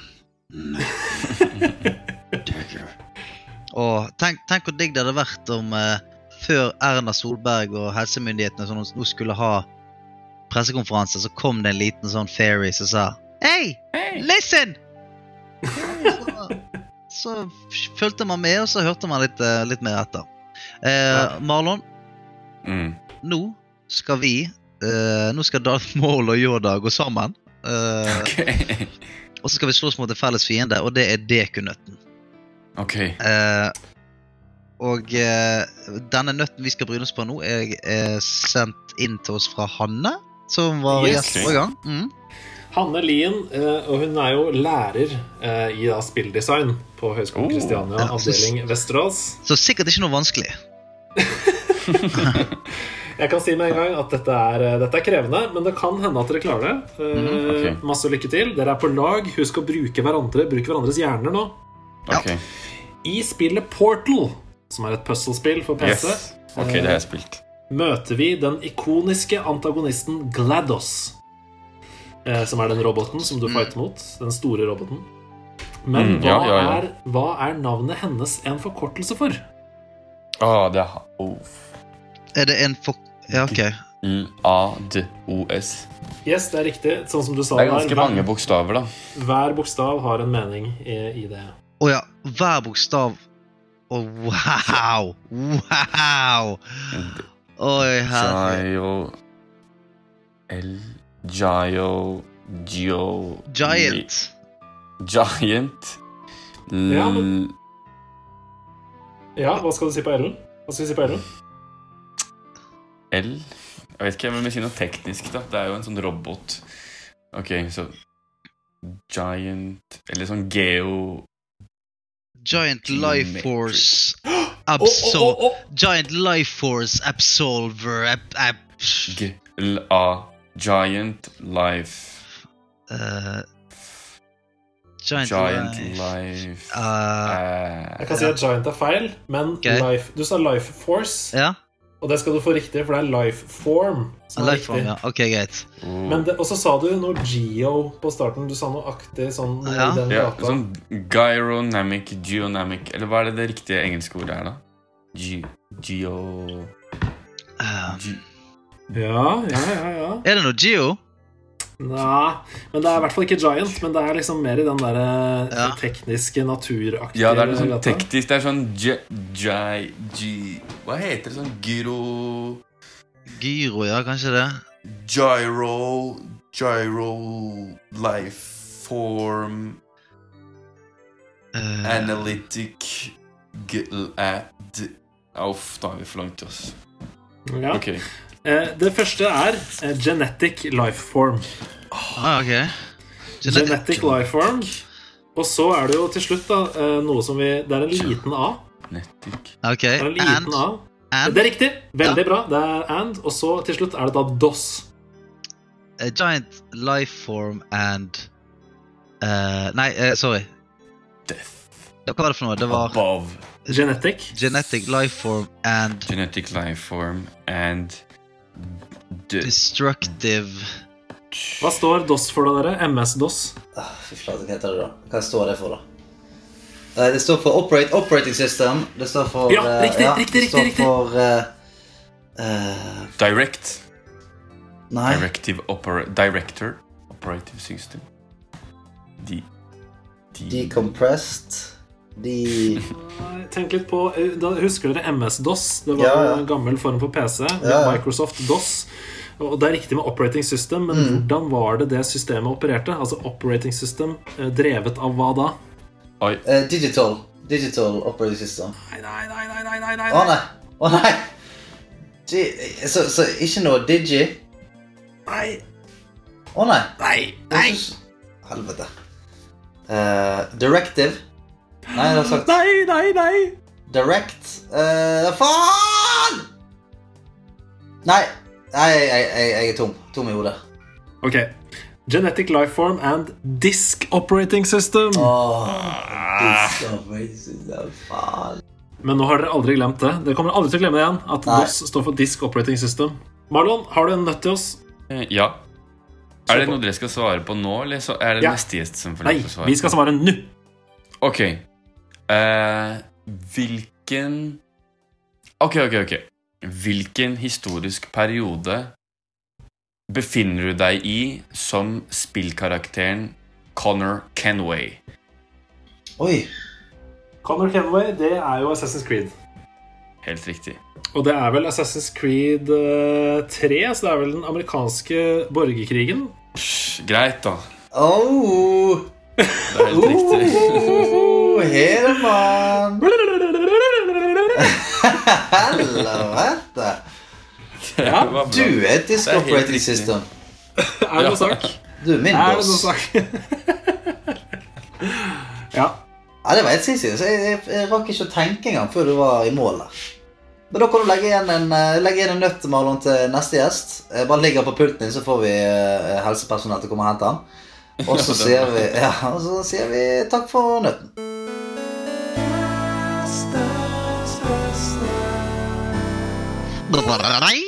Gjestens beste har vel aldri vært viktigere enn eh, akkurat nå. Uh, altså, vi er jo en, en gjeng, Marlon. uh, her er nederlandslaget som uh, fortærer Fortærer underholdning på samme måte som Death Star fortærer planeter. Eh, ok. Og nå tipper jeg det er skrudd opp til 11, det behovet. Så har du noen anbefalinger til oss på laget? Ja. Ok, la oss TV, for eksempel. Ja. Eh, Sen kveld, for eksempel? eller? Senkveld. ja, det er ganske bra. Det er en veldig morsom, det er en veldig morsom programleder der. Men okay. bare han ene. Oh, shit. Oh, shit! Ok, men Ok, jo, Peaky Blinders. Oh, yes. Det er en veldig kul serie eh, som handler om en, en gjeng, en gang, en mafia, en, en kriminell, kriminell eh, familie som herjet rundt i Er det Birmingham? Det kan det godt være. kanskje, ja, jeg tror det er Birmingham. Eh, tidlig på 1900-tallet. Og se for deg da at eh, eh, alle disse hovedkarakterene, altså hovedkarakterene og broren hans og alle vennene hans, de, akkurat, de har, eh, har overlevd første verdenskrig som soldater i, eh, i Belgia, kanskje. Og de kommer tilbake da traumatisert og hevntørste på alt. På livet, på myndighetene og på alt som tidligere har dyttet dem rundt. Så nå er de tilbake, og de har bare en blodig krig mot alle andre rivaliserende gjenger og klatrer seg oppover, og plutselig har det noe med amerikanske, it italienske mafiaen å gjøre, og så klatrer de seg enda videre og har noe med eh, the og, he, eh, og så til slutt har de noe med myndighetene å gjøre. Så hvis du liker eh, kule kostymer, litt historisk perspektiv, se Peaky Blinders. Mm. Altså, for å si det sånn, jeg gikk, eh, jeg gikk med barberblad i sixpensen jeg, uh, ukevis etter det. Ja. Jeg håper ikke du brukte det. Nei, jeg gjorde ikke det. Jeg barberte meg faktisk med det en gang. Men uh, eh, noen andre ting? Mm, uh, en film, kanskje? Ja, gjerne. Eh, Mulholland Drive. Oi, den er god. Ja, ja. Det, ja, det er en film av David Lynch, og den får alle andre filmer med sånn plot twist til å se ut som eh, barnefilmer. Så eh, kanskje dere har sett Shutter Island? Mhm. Mhm. Yes. Ikke sant? Den er ganske overraskende. Jeg skal ikke spoile, men jeg sier at den er overraskende. Men Mulholland Drive eh, Det er bare noe annet. Er bare, det er bare noe mer. Den får, eh, den får liksom Shutter Island til å se ut som noen noe de klarte å skrive på to dager, mens Mulholland Drive er noe psykologisk. Du må tenke, du blir redd selv. Så definitivt en film å finne. Jeg lånte den på Deichmanske. Eh, så bare Du kan sikkert streame den også. Dessverre fant jeg den ikke, men kjør på. Altså, Den, den ble solgt inn hardt, i hvert fall. Den skal jeg, eh, jeg må se den på nytt igjen, rett og slett. Ja, Eh, det må du. Det må du. Har du et siste et før vi går videre? Mm, eh, Trenger jeg ikke. Trenger jeg ikke. Nei, jeg tror jeg er fornøyd. Da holder vi stedet. Mulholland Drive. Eh, filmen som får alle andre filmer til å se ut som de er laget med ræven. Og eh, Peaky Blinders for eh, litt Yes. good old 1900-talls mafia business. Yeah. Tusen takk, Marlon.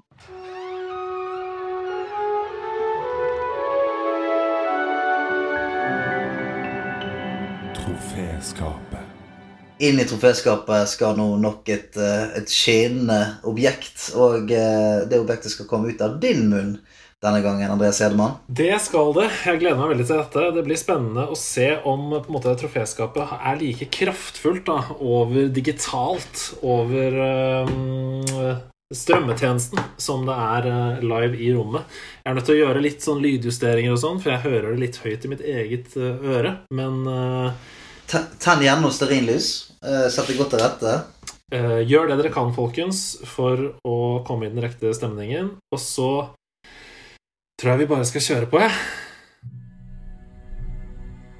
Kjære alle spillere på nerdelandslaget. Verden har aldri trengt oss mer enn den gjør nå. For å ta vare på alle de utsatte innbyggerne i inn- og utland, så har verdens befolkning gjort det eneste riktige. Vi har isolert oss for å tvinge viruset i kne.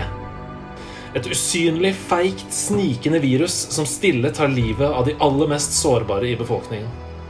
Vi har sagt tydelig stopp. Nei, dette nekter vi å sitte stille og se på at skjer. Og derfor gjør vi akkurat det. Sitter stille.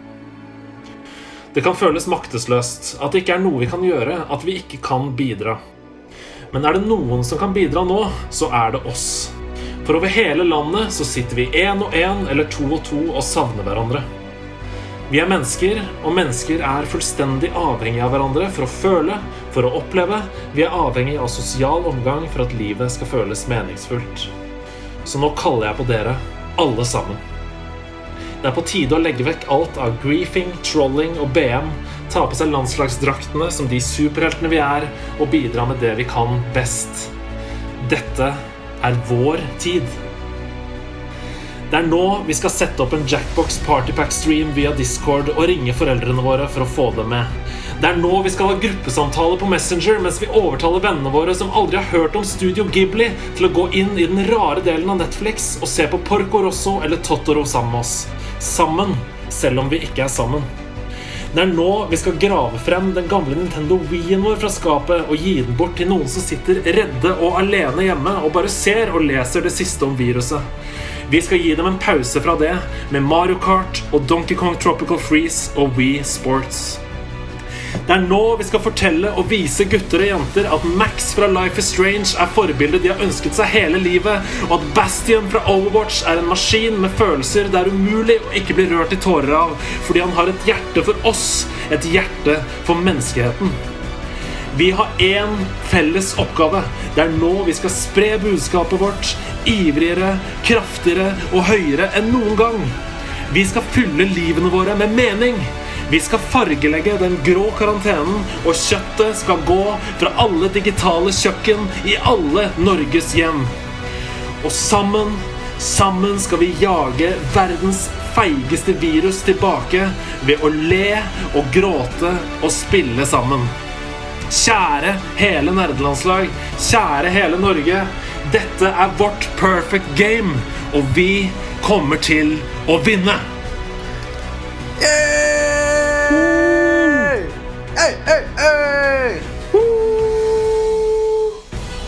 Digg. Jeg sitter nå i full rustning, og jeg er klar. Det er så godt å høre. Jeg er klar, og eh, For å si det sånn, nå skal det spilles. Altså, eh, spillets evangelie skal forkynnes og, eh, og drive bort viruset. Er du klar, Marlon? Er du klar til å være eh, Hva skal jeg si? Soldat? Ja. Hva enn, hva enn du sier nå, så er jeg med på. Jeg, jeg, jeg eh, Bare gå du, Andreas. Jeg føler jeg er rett bak deg. Ja. Jeg, jeg er rett bak deg. Helt nydelig. Hva står det på korktavlen? Det vet ikke jeg! Men eh, det er det vi skal finne ut av nå. Eh, Den henger der, den. Jeg ser jo ikke den nå. Du har tatt den med deg hjem. Uh, Ja, jeg er den eneste som ser eh, korktavlen vår. Uh, Marlon, korktavlen det er der hvor folk sender inn eh, Post-It-lapper, eh, små lydfiler og eh, ønsker å stille oss ulike spørsmål. Jeg tror vi bare skal fyre løs. Jeg, jeg trekker ned den første lappen med en gang. Kjære Andreas og Stian. Det er Jingle Martin, aka Master Balls her. Først og fremst, tusen takk for at dere lager Norges beste podkast og gaming-community. Nerdelandslaget-discorden er det eneste som holder mitt triste sosiale liv oppe i disse karantenetider. Jeg lurer rett og slett på hvilke spill-soundtracks eller låter setter dere høyest? Sjøl må jeg si Wind Waker-musikken og Gusty Garden fra Super Mario Galaxy. Hør på det her, da!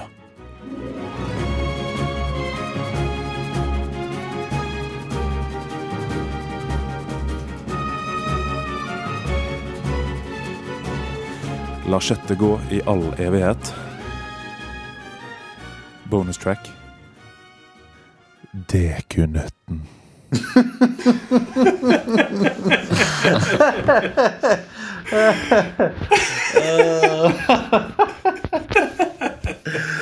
ja, først og fremst, tusen takk, Martin. Og jeg, eh, jeg fikk gåsehud både av, eh, av musikken og av Dekunøtten-bonustracket der. Mm. men jeg, du kan begynne, Hedemann. Hva er det som setter, eh, setter deg i stemning? Nei, jeg må si at uh, han er jo veldig inne på noe her. Super Mario Galaxy 1 og 2 har helt insane musikk. Det er jo altså ingen Da jeg starta opp de spillene, så forventa jeg helt som vanlig Altså Mario-musikk, liksom. Men det som møter deg, er jo et symfoniorkester med helt vanvittige melodier som rører deg til tårer, liksom. Så det er, musikken der er høyt oppe på lista. Men jeg har lyst til å slenge inn i miksen også Journey. Det spillet som dere ser på deres skjermer her nå. uh, Ja. Det spilte Det- jeg for første gang i helgen. Åh, shit. Åssen var det? Du, Det var helt magisk. Jeg våkner opp sliten, litt fyllesyk fra dagen før. Jeg sover hos en venn. Han har ikke stått opp ennå, men han har PlayStation stående ute. Jeg skrur på den. Han har last det første spillet som dukker opp, Journey. Jeg tenker ok, hvorfor ikke? Klikk! Inn. Magisk. Hva skjer? Jeg kunne ikke legge fra meg kontrollen. Jeg ville bare opp på det fjellet og inn i det lyset. Og, og eh, spesielt den, den sekvensen der du liksom surfer nedover sanden, og den er gull, og alle de der flaggting Flaggdyrene bare svever ved siden av deg, og du bare flyr nedover, og plutselig så hopper du i lufta, og låta når sitt klimaks, og det er helt fantastisk. Journey er eh, utrolig. Jeg kommer ikke unna å si på en måte Final Fantasy. Det, den musikken er så den sitter meg så, så sinnssykt i stemning, da. Altså, når jeg så Final Fantasy 7-demoen nå, og jeg hørte musikk, hvordan det rewampet den musikken der, og sånt, og så kjente jeg at det kriblet over alt. Og eh, alle disse hymnene som er i de forskjellige eh, Final Fantasy-spillene, det er veldig sånn det, det er jo veldig sånn orke, orkestralt og og hymneaktig. Det er mye kor.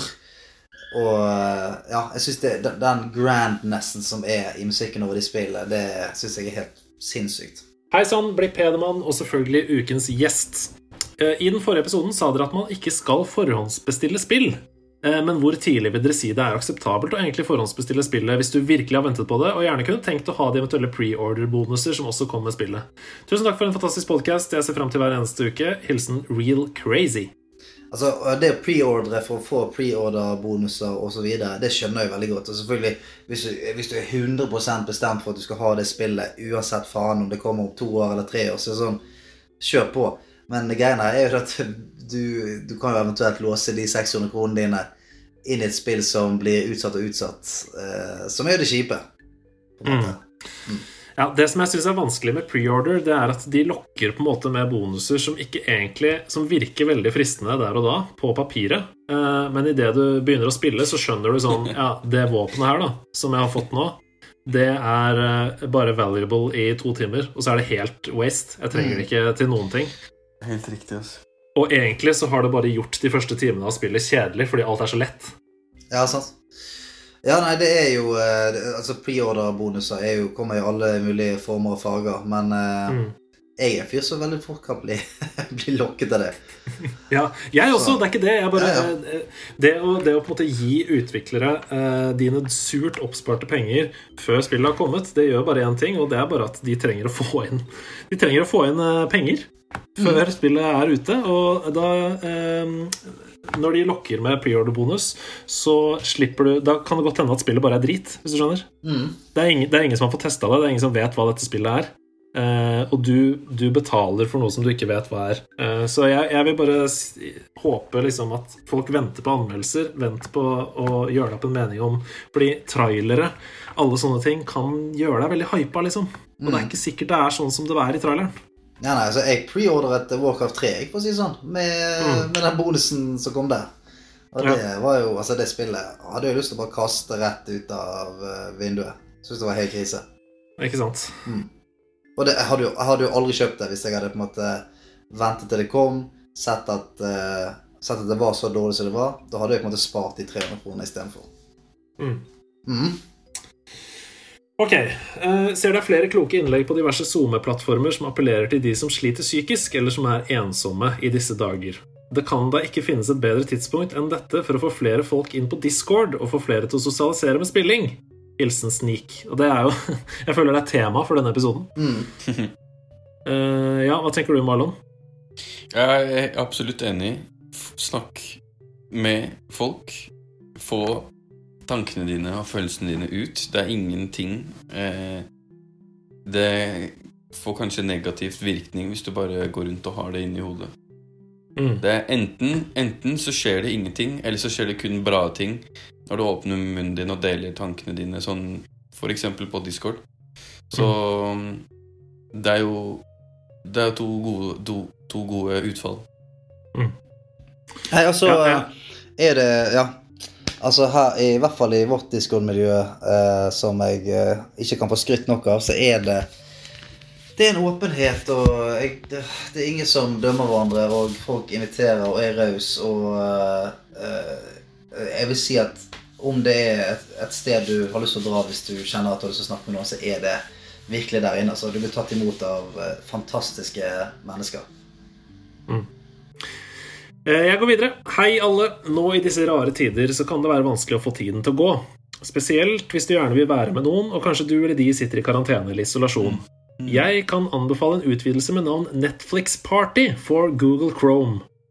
Eh, Jeg skal bare lese hva som står her om Netflix Party. Eh, a new way to watch Netflix together. Netflix Party is a new way to watch Netflix with your friends online. Uh, Netflix Party synchronizes video playback and adds group chat to your favorite Netflix shows. Og det er Cod som har sendt inn, og det synes jeg høres ut som en kjempeidé. Altså, alle, ser, alle ser serien eller filmen på likt, og så kan man chatte med hverandre på siden mens man ser på. Det er jo helt konge. Det er helt rått. Det er helt rått. Jeg syns det er dritfett. Jeg synes det høres bra ut, ja. Nei, Og det jeg tror ja. Nei, det som jeg tror er fint med det òg, er at ofte så er det sånn at når man sitter og ser på film eller TV, så blir man jo distrahert av mobilen. ja.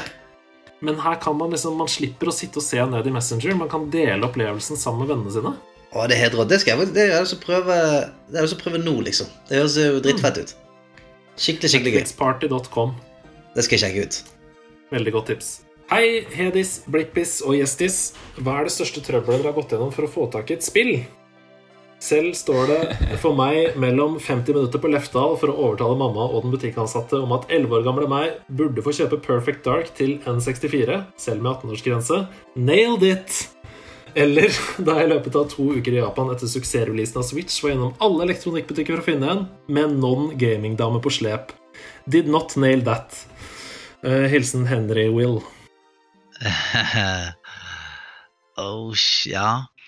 Det Nei, største trøbbelet jeg har gått Ja. gjennom for å få tak i et spill. ja for, for meg tror jeg det var Jeg var innom det i Troféskap for mange episoder siden, men det var når, når WoW kom ut, og du måtte ha eh, et active subscription for å spille det. Mm. Og, eh, så på en måte jeg fikk tak i selve spillet, men jeg, måte, jeg kunne ikke spille det. Så det å få min altså, det å overtale min far til å, å putte visakortet sitt inn i et felt på internettet, eh, det tok lang tid, altså. altså det var sånn, Jeg spurte han flere flere ganger jeg kommer aldri til å gjøre det igjen. Eh, og, det, og det lurer jeg på om det var sånn Jeg lurer på om grunnen til det var for det var ikke flere game cards igjen. da. For det var sikkert utrolig mange som var i samme, samme situasjon som meg. sånn at det, det var ikke game cards å få tak i. Og eh, ja, det gikk, gikk lang Jeg hadde det spillet eh, i, i pakken liksom i, i ukevis før jeg klarte liksom, å, å nesten gå ned på knær og ja, og si at du, hvis du gjør dette, så skal jeg, skal jeg gjøre alt du, du har lyst til. Mm. Har du noe minne, eller, Marlon? Mm, jeg tror det var at jeg, at jeg lata som at jeg var syk for å kunne kjøpe Black Flag. Assassin's Creed Black Flag. Jeg ja, du å som syk. ja, det, Først sa jeg til læreren på skolen at å, jeg føler meg ikke noe bra. Å, å, å. Og så var det Og så var det løpe ned til GameStop og kjøpe det, og så stikke hjem og så si at å, jeg føler meg så syk hjemme. Jeg må bare spille til Nei, spillet. jeg, jeg må det. Det er det eneste medisinen jeg kan det Mm. Jeg tror at eh, min historie blir den evig lange grinden som var det å jobbe mot foreldrene mine. For jeg fikk jo aldri spill. Jeg fikk ikke spill hjemme. Nei, sant? Så det var, Og jeg, det, det knakk aldri den koden heller. Det bare førte til at det var verdens lengste grind som endte med at jeg måtte kjøpe meg min egen Gameboy, da, som var det første jeg fikk kjøpt meg for egne penger.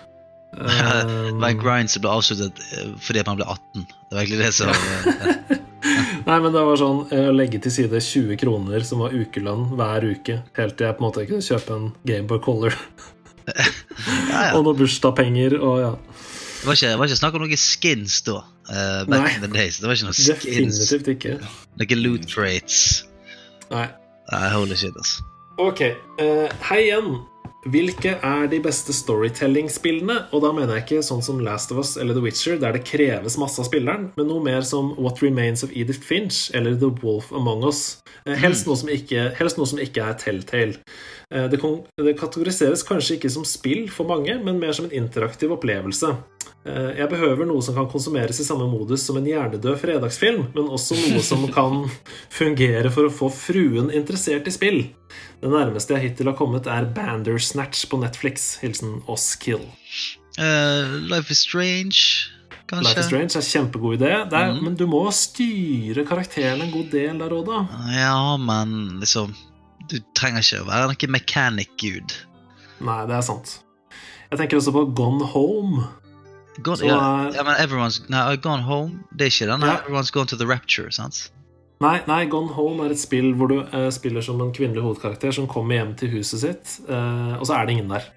Jeg vil ikke si noe mer enn det, men du utforsker huset, og ja, kjempespennende og veldig bra. Ja, for det er liksom vanskelig, men det er noe som ikke krever noe av spillere. Men jeg, jeg, jeg, jeg vil tippe Life is Strange er liksom bra spill og sånn storymessig for å få f.eks. noen ikke-gamere inn. da, For det er i hvert fall ene Den første Life is Strange er jo veldig sånn uh, Hva skal jeg si uh, uh, Lett å og sette seg inn i for alle, tror jeg. Du trenger ikke, Mm. noe, trenger ikke noe sånn fantasy-gen i deg, eller en sånn uh, veldig forkjærlighet for det overnaturlige. Nei, det er lett å relatere seg til, og ja. Mm. Enig der. Har du noen sånne type spill som du har spilt, eh, Marlon? Mm, jeg tror det nærmeste er Journey, kanskje. Ja, Journey er også kanskje et godt eksempel. Mm. Du trenger ikke å gjøre så veldig mye der heller. Det, Nei, det er bare å løpe sånn- litt rundt og hoppe. Ja, Kan, kanskje ikke så story-drevet. Du må nok eventuelt lete etter den, da. Hvis det Hvis vi ja, skal det er finne sant. Men det er jo en veldig sånn zen-opplevelse. Veldig sånn, zen. Som du snakket om, det derre smoothe med å skli nedover det gullsanden og bare Ja, Mm. det er veldig deilig. Du ikke hiv inn denne Altus Odyssey, da, Hedemann? Hvis, eh, hvis du noen gang hører fra meg at jeg syns at Altus Odyssey er storydrevet Nei, men det, det Da- kunne fort Altså, det- du kunne fort sagt det, tror jeg. At du liker storyen av Altus Odyssey ni av ti. Så jeg har ikke mista det så mye. Nei, det er bra. Det var. Ok, vi går videre her. Her kommer det siste spørsmålet. Det er utrolig hvor fort tiden går, dere. Ja. Mm. Uh, hei, Hedemann, Blipp og Marlon. Det står, hey. guest, det står guest name her. Men uh, Ah, har dere noen gang hatt behov for å måtte slippe det dere har i hendene, og forte dere å gjøre noe på et spill som utspiller seg i sanntid? F.eks. fange en Pokémon i Pokémon Go, World Events i World of Warcraft, redde avlingen i Heyday osv. Jeg måtte senest i dag stoppe midt i middagslagingen og fly ut for å fange en Pokémon før den forsvant. Hilsen Seigronas. Altså, jeg kjenner meg veldig igjen i det Pokémon Go-greiene. Altså, Ah, Pokémon Go var, eh, var hot. Så da virkelig da, eh, da var det en kompis som kom hjem til meg uh, rett før jeg skulle ligge med og sa vi må ut. Det er en Magmar oppi høgget her, liksom. Um, Magmar. Så det, så Pokémon Go-kjøret var ganske intenst. Men så og, eh, og wow, selvfølgelig. Det der å komme på sånn rett før du skal ligge der Å, shit, jeg har ikke gjort dailiesene mine. Jeg har ikke gjort daily questene. Her er det plutselig 750 rap som kan gå rett ned i dass. Jeg må komme meg rett inn og, og, og jobbe. Så ja, det har vært mye av det, altså. Ja, nei, jeg har det sånn hele tiden, egentlig, for jeg spiller jo mye Hearthstone. Eh, og det er jo kamper hvor hver, hver spiller har 30 sekunder på å gjøre det man skal hver runde. Uh, og da kan ikke jeg drive med masse andre ting. Uh, når det er min turn, da må jeg være der. Så Ja. innimellom så Ja. Men, men jeg, jeg, tror, jeg tror ikke det han tenker på det, og, og er at det måte er ting som skjer samtidig i, i en ver verden som lever hele tiden. på en måte, Sånn at For eksempel sånn som i, i WoW nå, da, så kan det dukke opp world-bosser. Sånn, det kan være sånn, Nå dukker han opp, og da, da ringer det noen og sier nå er han oppe, nå må vi gå og ta han. Mm. Nei, jeg sånt, hadde- liksom? ja, jeg hadde det sånn med Pokémon GO da de raid-bossene kom. Mm. Fordi da de raid-bossene kom, så var det sånn at man måtte gå sammen. Eh, og så er det sånn Ok, nå er Mewtwo der. Mm. Eh, og han er der i to timer, og vi må være 20 personer for å få han ned, liksom. Ja, ring, ring rundt. Ring til ja. Martin Hugo og Kjell Peder og Trym Bolle og Magne Sindre og hele, hele gjengen. Eh, ja, ja, nei, jeg hadde det litt sånn der, altså. Um, ja. Hva med deg, eh, Marlon? Har du noen sånne, eh, sånne Ja, det er Heyday. til? Er det Heyday? Garantert Heyday. Mm. Og bare sånn avlinger og bare Å, shit, jeg glemmer nå å kjøre den båten, og jeg må Jeg må, jeg må avbryte familiemiddag og bare snike fram telefonen under bordet og bare sende noe greier og sende noe greier av gårde. Det er noen avlinger som må høstes her nå, folkens. Beklager.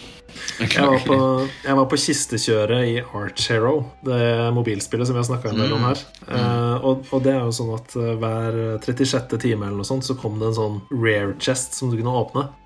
Og det var på det mest heftige der, så satt jeg sånn og så på klokka, for jeg visste at klokka to så var den kista klar, liksom. Ja, altså, det, det, du vet at du er dypt i det når du har sånn alarmer på telefonen som er på forskjellige spill. Å, nå ringer jeg. Sorry, Mac. Jeg må, nå må jeg inn og hente en kiste her. Å, så er det to timer til jeg må inn og Så er det to timer til Mewtwo kommer. Altså, da er, da er du dypt. Der er vi i mål, altså. Der er vi i mål. Eh, og tusen hjertelig takk, Marlon, for at du stakk innom eh, deg sjøl. Takk for, at jeg, takk for at jeg fikk lov til å være gjest. Ja, det var helt utrolig kult at du gjorde dette. Det var jo en rar eh, liten sak. Vi sitter alle sammen hjemme hos, hjemme hos, oss sjøl og på en måte ser litt sånn rundt omkring i taket. Og jeg, men jeg følte vi kom oss godt gjennom det. Det var godt å få snakket litt ut. Var godt å i hvert fall høre stemmene deres eh, oppi dette. Yes. Eh, og så selvfølgelig tusen takk til eh, deg, kjære landslagsmedlem, som har hørt på dette. Eh, vi ønsker jo selvfølgelig å kunne gi deg det beste hele tiden, og dette er i hvert fall vårt aller beste forsøk på å gi deg det. Eh, vi tenkte at uansett så må vi samles og lage en podkast denne uken her. Ehm, og eh, jeg håper at alle har det bra der de er. Og så håper jeg at dere hører på neste uke, selv om det ikke er i kjellerstuen. Det kan være at det er det, men eh, det vet vi ikke ennå. Eh, og eh, som Martin Herfjord sa, så skal vi prøve å la kjøttet gå i all evig tid. Så tusen takk for at du hørte på, og stay safe. Vask deg på hendene, og ikke kyss fremmede folk.